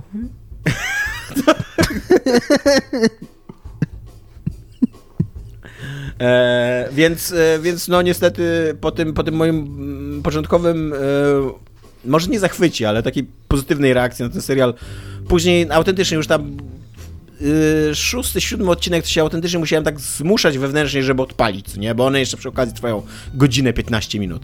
Dlatego e, mówię, że to będzie ba... mnóstwo serialu. Jak tak, mówisz, tak. że to tak. będzie 5 sezonów, po x odcinków w każdym sezonie, każdy po godzinę, to Jesus Christ, ile to jest w ogóle czasu, który z tym spędzasz, nie? Tak, tak, niestety. E, więc, więc mówię, no mam nadzieję, mam nadzieję, że ten serial znajdzie jakiś pomysł na siebie, jakiś rytm. E, to co, to, co mi się podoba, to autentycznie bardzo długo myślisz, że te wątki nie za bardzo mają sens i że ten serial nie do końca wie o czym jest. Na końcu, w ostatnim odcinku, on jest dosyć ładnie, zgrabnie wiązany właśnie z całym, no de facto z tematem jakim, głównym tego, tego, odcin, tego, tego serialu, czyli e, z pierścieniami, co nie? Jakby tam, nagle sobie ten serial przypomina, że ej, pamiętajcie, że opowiadamy historię o pierścieniach i to ma dużo sensu, co nie? Jakby co się dzieje w ostatnim odcinku, e, bo, bo jest jakby takie e, wielkie pytanie, co nie, jak to jest, że wszyscy posiadają te pierścienie, chociaż wszyscy wiedzieli, że Sauron jest tam wcieleniem zła, co nie? Więc ja, w jaki sposób Sauron ich podszedł, że, że, że, że, że wszyscy mieli te pierścienie władzy. E, i, i, I to jest rozwiązane do, dosyć, przynajmniej mi się podobało w miarę, co nie tam czułem emocje, tylko też ja się trochę zastanawiam, czy jeżeli ja czuję jakiekolwiek emocje przy takim dosyć średnim serialu, to czy one po prostu, to, czy to nie jest taki odruch Pawłowa, że ja tam, wiecie, widzę kurde Garadielę, widzę Saurona, widzę pierścionki i sobie, o, ale fajnie, ale się cieszę. że, że nie jestem po prostu wysz... no, no, trochę tak, że to jakby jestem wyszkolony, co nie, że tam... Ale tak, ale zasadniczo chciałbym się trochę wycofać ze swojego entuzjazmu, bo, bo jak pierwsze dwa odcinki dają fajną obietnicę, to później nie dowożą po prostu. Kolejne cztery to jest raczej męka, raczej... Znaczy nawet to nie jest tak, że one są złe, co nie? Tylko one są takie jałowe, takie... E, no takie po prostu, że trwają i tyle, i nic z tego nie wynika. Nie masz tam żadnych emocji, nie, nie, nie, nie kibicujesz żadnemu bohaterowi, nie czujesz się zachęcony, żeby jakoś, nie wiem, badać tą fabułę, zagłębiać się w nią i tak dalej. Tylko po prostu tam spędzasz czas przed telewizorem i to jest wszystko, jakby to nic więcej tam się nie kryje, nie? E, więc tutaj chciałbym taki, tak, taki dopisek zrobić do naszej. E, ale też również chciałbym jednocześnie skrytykować raz jeszcze rasistów, którzy e, krytykowali ten, ten, e, ten serial za casting. Jakby, moim zdaniem ponieważ... powinieneś tu postawić kropkę. Powinieneś powiedzieć, chciałbym również skrytykować rasistów. Tak, e, tak. No dobra, okej. Okay. Nie, no powiedz, powiedz, bo jestem, jestem zainteresowany, są, czy są, jest jakiś cast. Nie, są w, tym, są w tym serialu trzy czarnoskóre postacie. Ta krasnoludka, elf i um, przewod, przewodni, znaczy szef jakby tego yy, hobiciego yy, stada, nie wiem jak oni się nazywają, czy to jest jakaś wioska wędrowna, czy społeczność i tak dalej. I to są bez kitu, te trzy czarnoskóre postacie to są bez kitu trzy najfajniejsze postaci w tym serialu, więc jakby... I stąd jest ból dupy białego człowieka, rozumiesz, nie? Dziękujemy, ja, ja bym bardzo chciał podziękować poprawne, politycznej poprawności, że przynajmniej, przynajmniej ich miałem w tym serialu, bo przynajmniej, przynajmniej dla nich mogłem go oglądać, co nie? No, ale tak, ale to jest, to jest, to jest to, co miałem do powiedzenia. Tymczasem się dzieje jeszcze dużo y, w temacie bajonety. Iga, oddaję Ci głos. Halo, halo, Iga.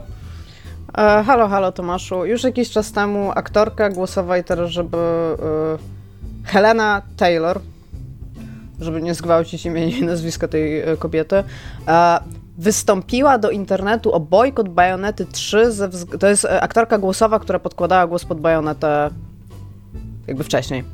E, Wystąpiła do społeczności internautów, e, żeby bojkotować Bajonetę 3 ze względu na niską e, cenę, jaki chciano jej, jaką chciano jej zapłacić, żeby Stawkę. jeszcze raz wcie, stawkę, o tak, wceli, wcieliła się, właściwie podłożyła głos pod postać Bajonety. Ona wtedy określiła, że chcieli zaproponować jej 4000 dolarów, co jest rzeczywiście dosyć małą liczbą pieniądzów, którą się nawet w Za branży, udźwiękowienie, która- tak, za udźwiękowienie całej gry, nie?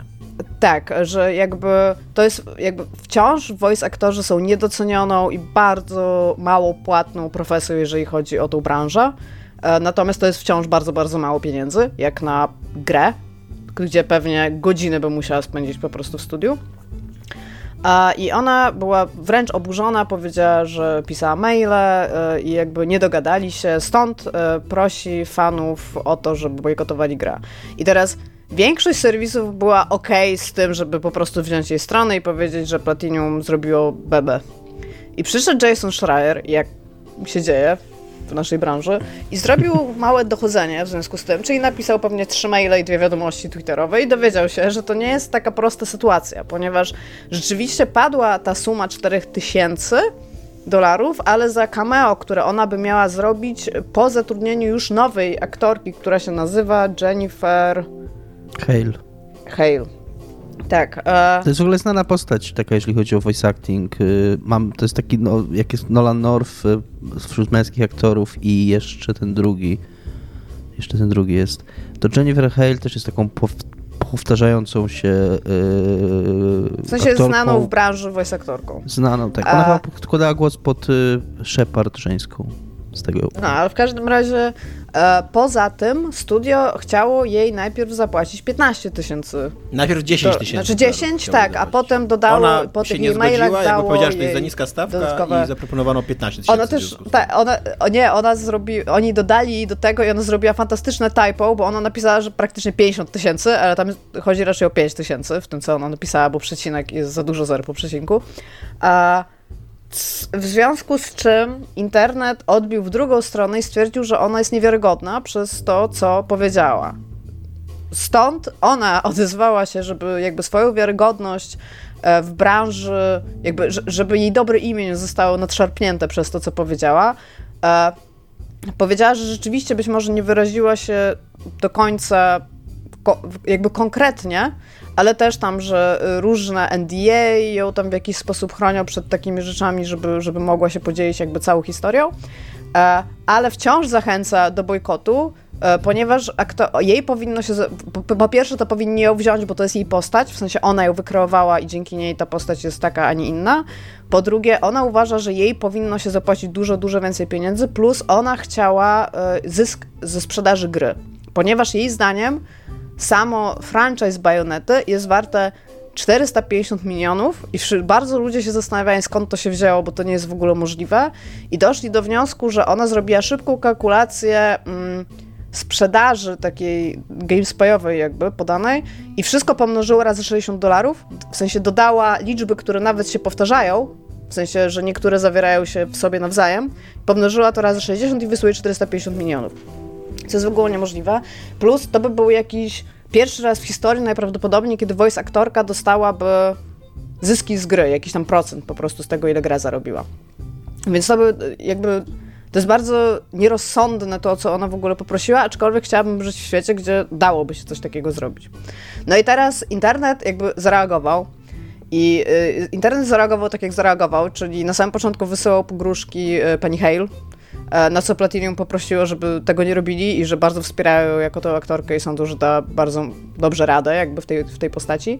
E, Natomiast e, pana, pani e, Helena Taylor stwierdziła, że ona nie będzie tutaj siedzieć z założonymi rękami i teraz wzywa do bojkotu i e, zamiast płacić za bajonetę, radzi dawać rzeczy na różnego rodzaju fundacje, w tym między innymi fundację w Kentucky, która sponsoruje antyaborcyjne banery na autostradach. Co ludzi już bardzo mocno zdenerwowało i teraz bojkotują ją, więc Jest to, To również, nie będzie- jest to również, tak, dosyć paradoksalne, biorąc pod uwagę, jak feministyczną postacią jest Bayonetta, co nie? Ogólnie Bajoneta jest trudną postacią, bo możesz ją odbierać bezrefleksyjnie i to, co się tam dzieje bezrefleksyjnie i nie zauważyć tego, że jest feministyczną postacią. Albo możesz zastanowić się, na jakich jakby kampowych y, rzeczach jest bazowana jakby Bajoneta, nie?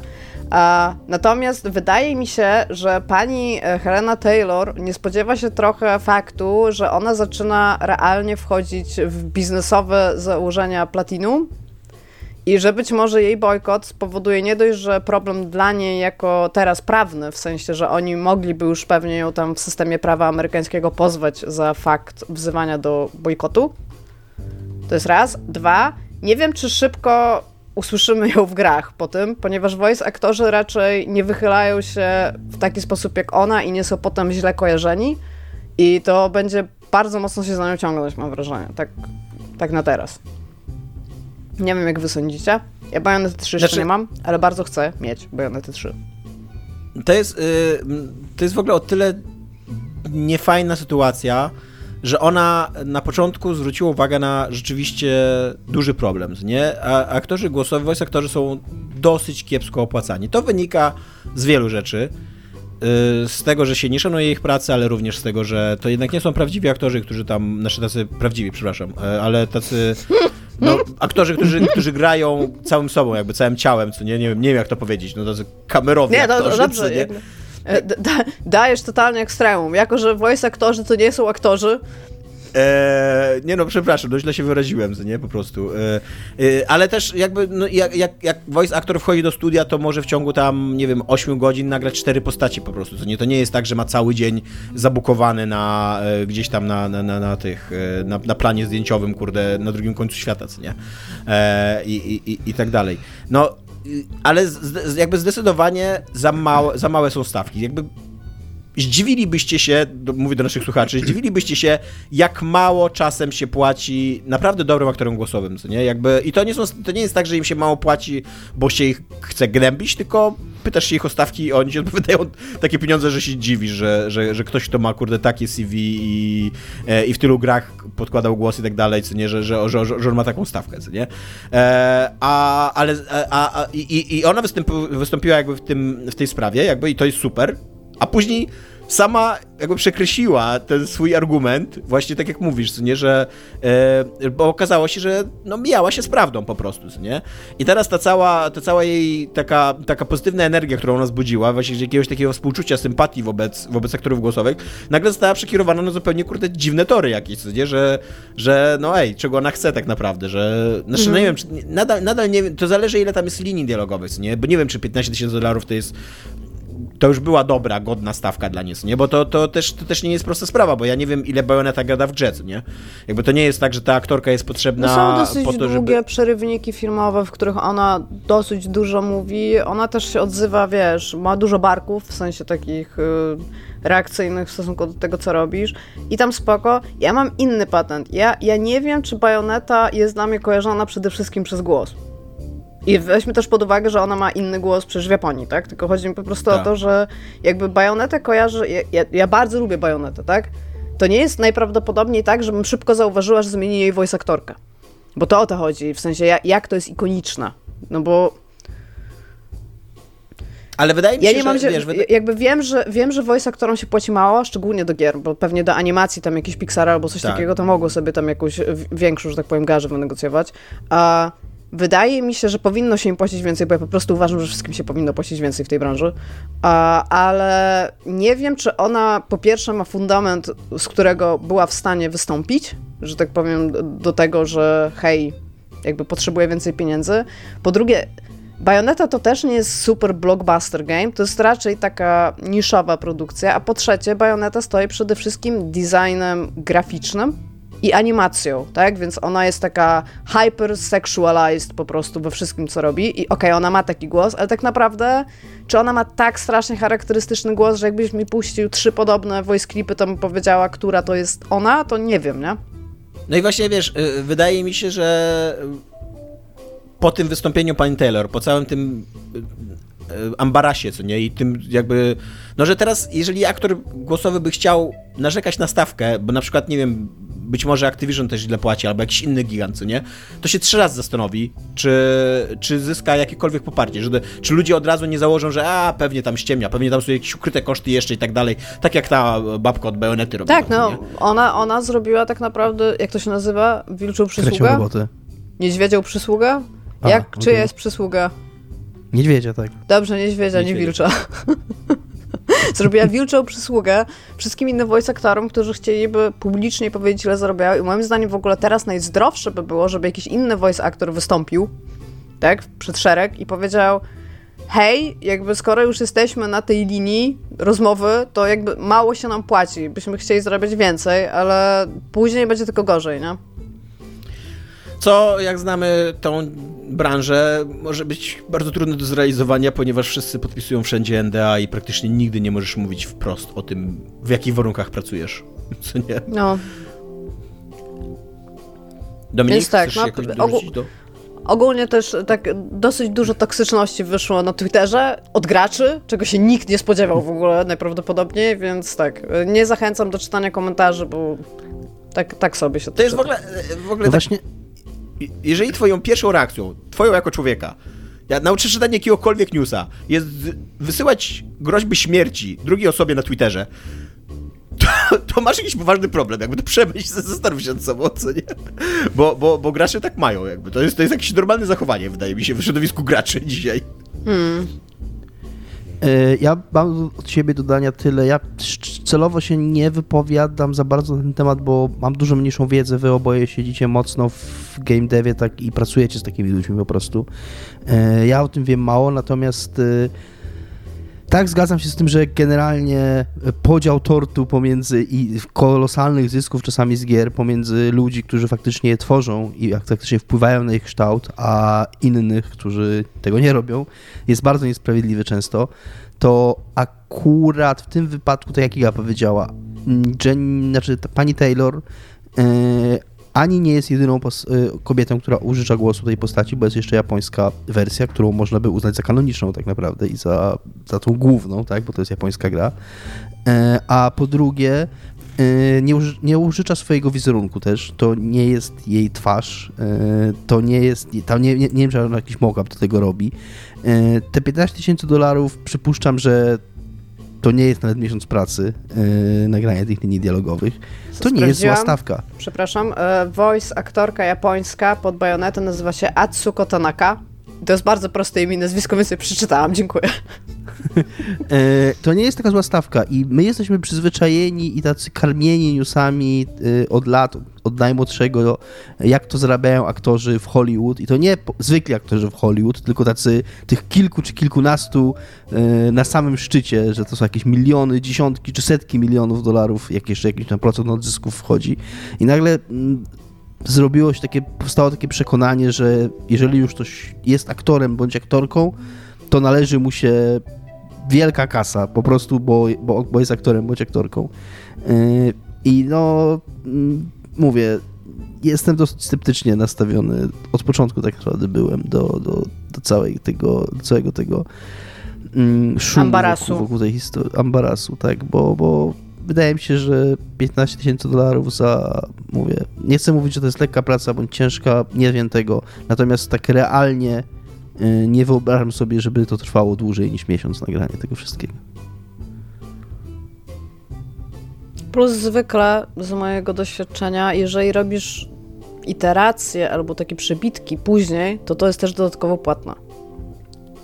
Więc nawet Tak. jeżeli to byłby miesiąc, 15 tysięcy dolarów za miesiąc, plus później wracasz i dostajesz ileś więcej, to jakby tak, nie wydaje mi się to złymi pieniędzmi, ale czy wolałabym, żeby to było 60 tysięcy dolarów? Tak, wolałabym jakby dla niej, dla wszystkich. Nie, no pewnie, ale, ale jakby mamy większe problemy do załatwienia w tej branży. Mamy choćby y, pieniądze, jakimś, jakieś płaci testerom. y, To jest w ogóle, y- Którzy, którzy ostawcy takie jak 15 tysięcy dolarów, którzy Tak. można by się kłócić, że czy nie mają większego wpływu na kształt tej gry ostatecznie niż pani Jennifer Hale. Jakby To nie, ty też y, nic, tylko kurde nie psują ta- i pani Taylor. opóźniają premiery. Tak, tak. Y, pani I nie Taylor. zauważają błędów. Imię. imię. Y, więc E. no wydaje mi się, że są To jest- jakby większe, większe rzeczy do załatwienia. Jest ta sytuacja, jest ta sytuacja o tyle skandaliczna, że ona, że gdyby ona wyszła i powiedziała, że zaproponowali jej 15 tysięcy dolarów i ona uważa, że to jest bardzo mało, bo to nie jest, bo to nie jest powiedzmy, ona tak argumentuje, to nie jest miesiąc pracy, jak wam się wydaje, tylko tam 4 miesiące, bo później głos mi musi odpocząć, czy coś tam, coś tam i tak dalej, co nie? I okazałoby się, że tam, wiesz, pokazuje nam jakiś e, insight swojej pracy i, i rzeczywiście ma jakieś argumenty, tylko ona, jej zaproponowali 15 tysięcy dolarów, ona to odrzuciła, a oni jakby mimo wszystko, że ona odrzuciła jakby ich propozycję i musieli znaleźć nową aktorkę, oni zaproponowali jej cameo jako właśnie aktorce, która tam oryginalnie podkłada głos pod, podkładała głos pod bajonetę.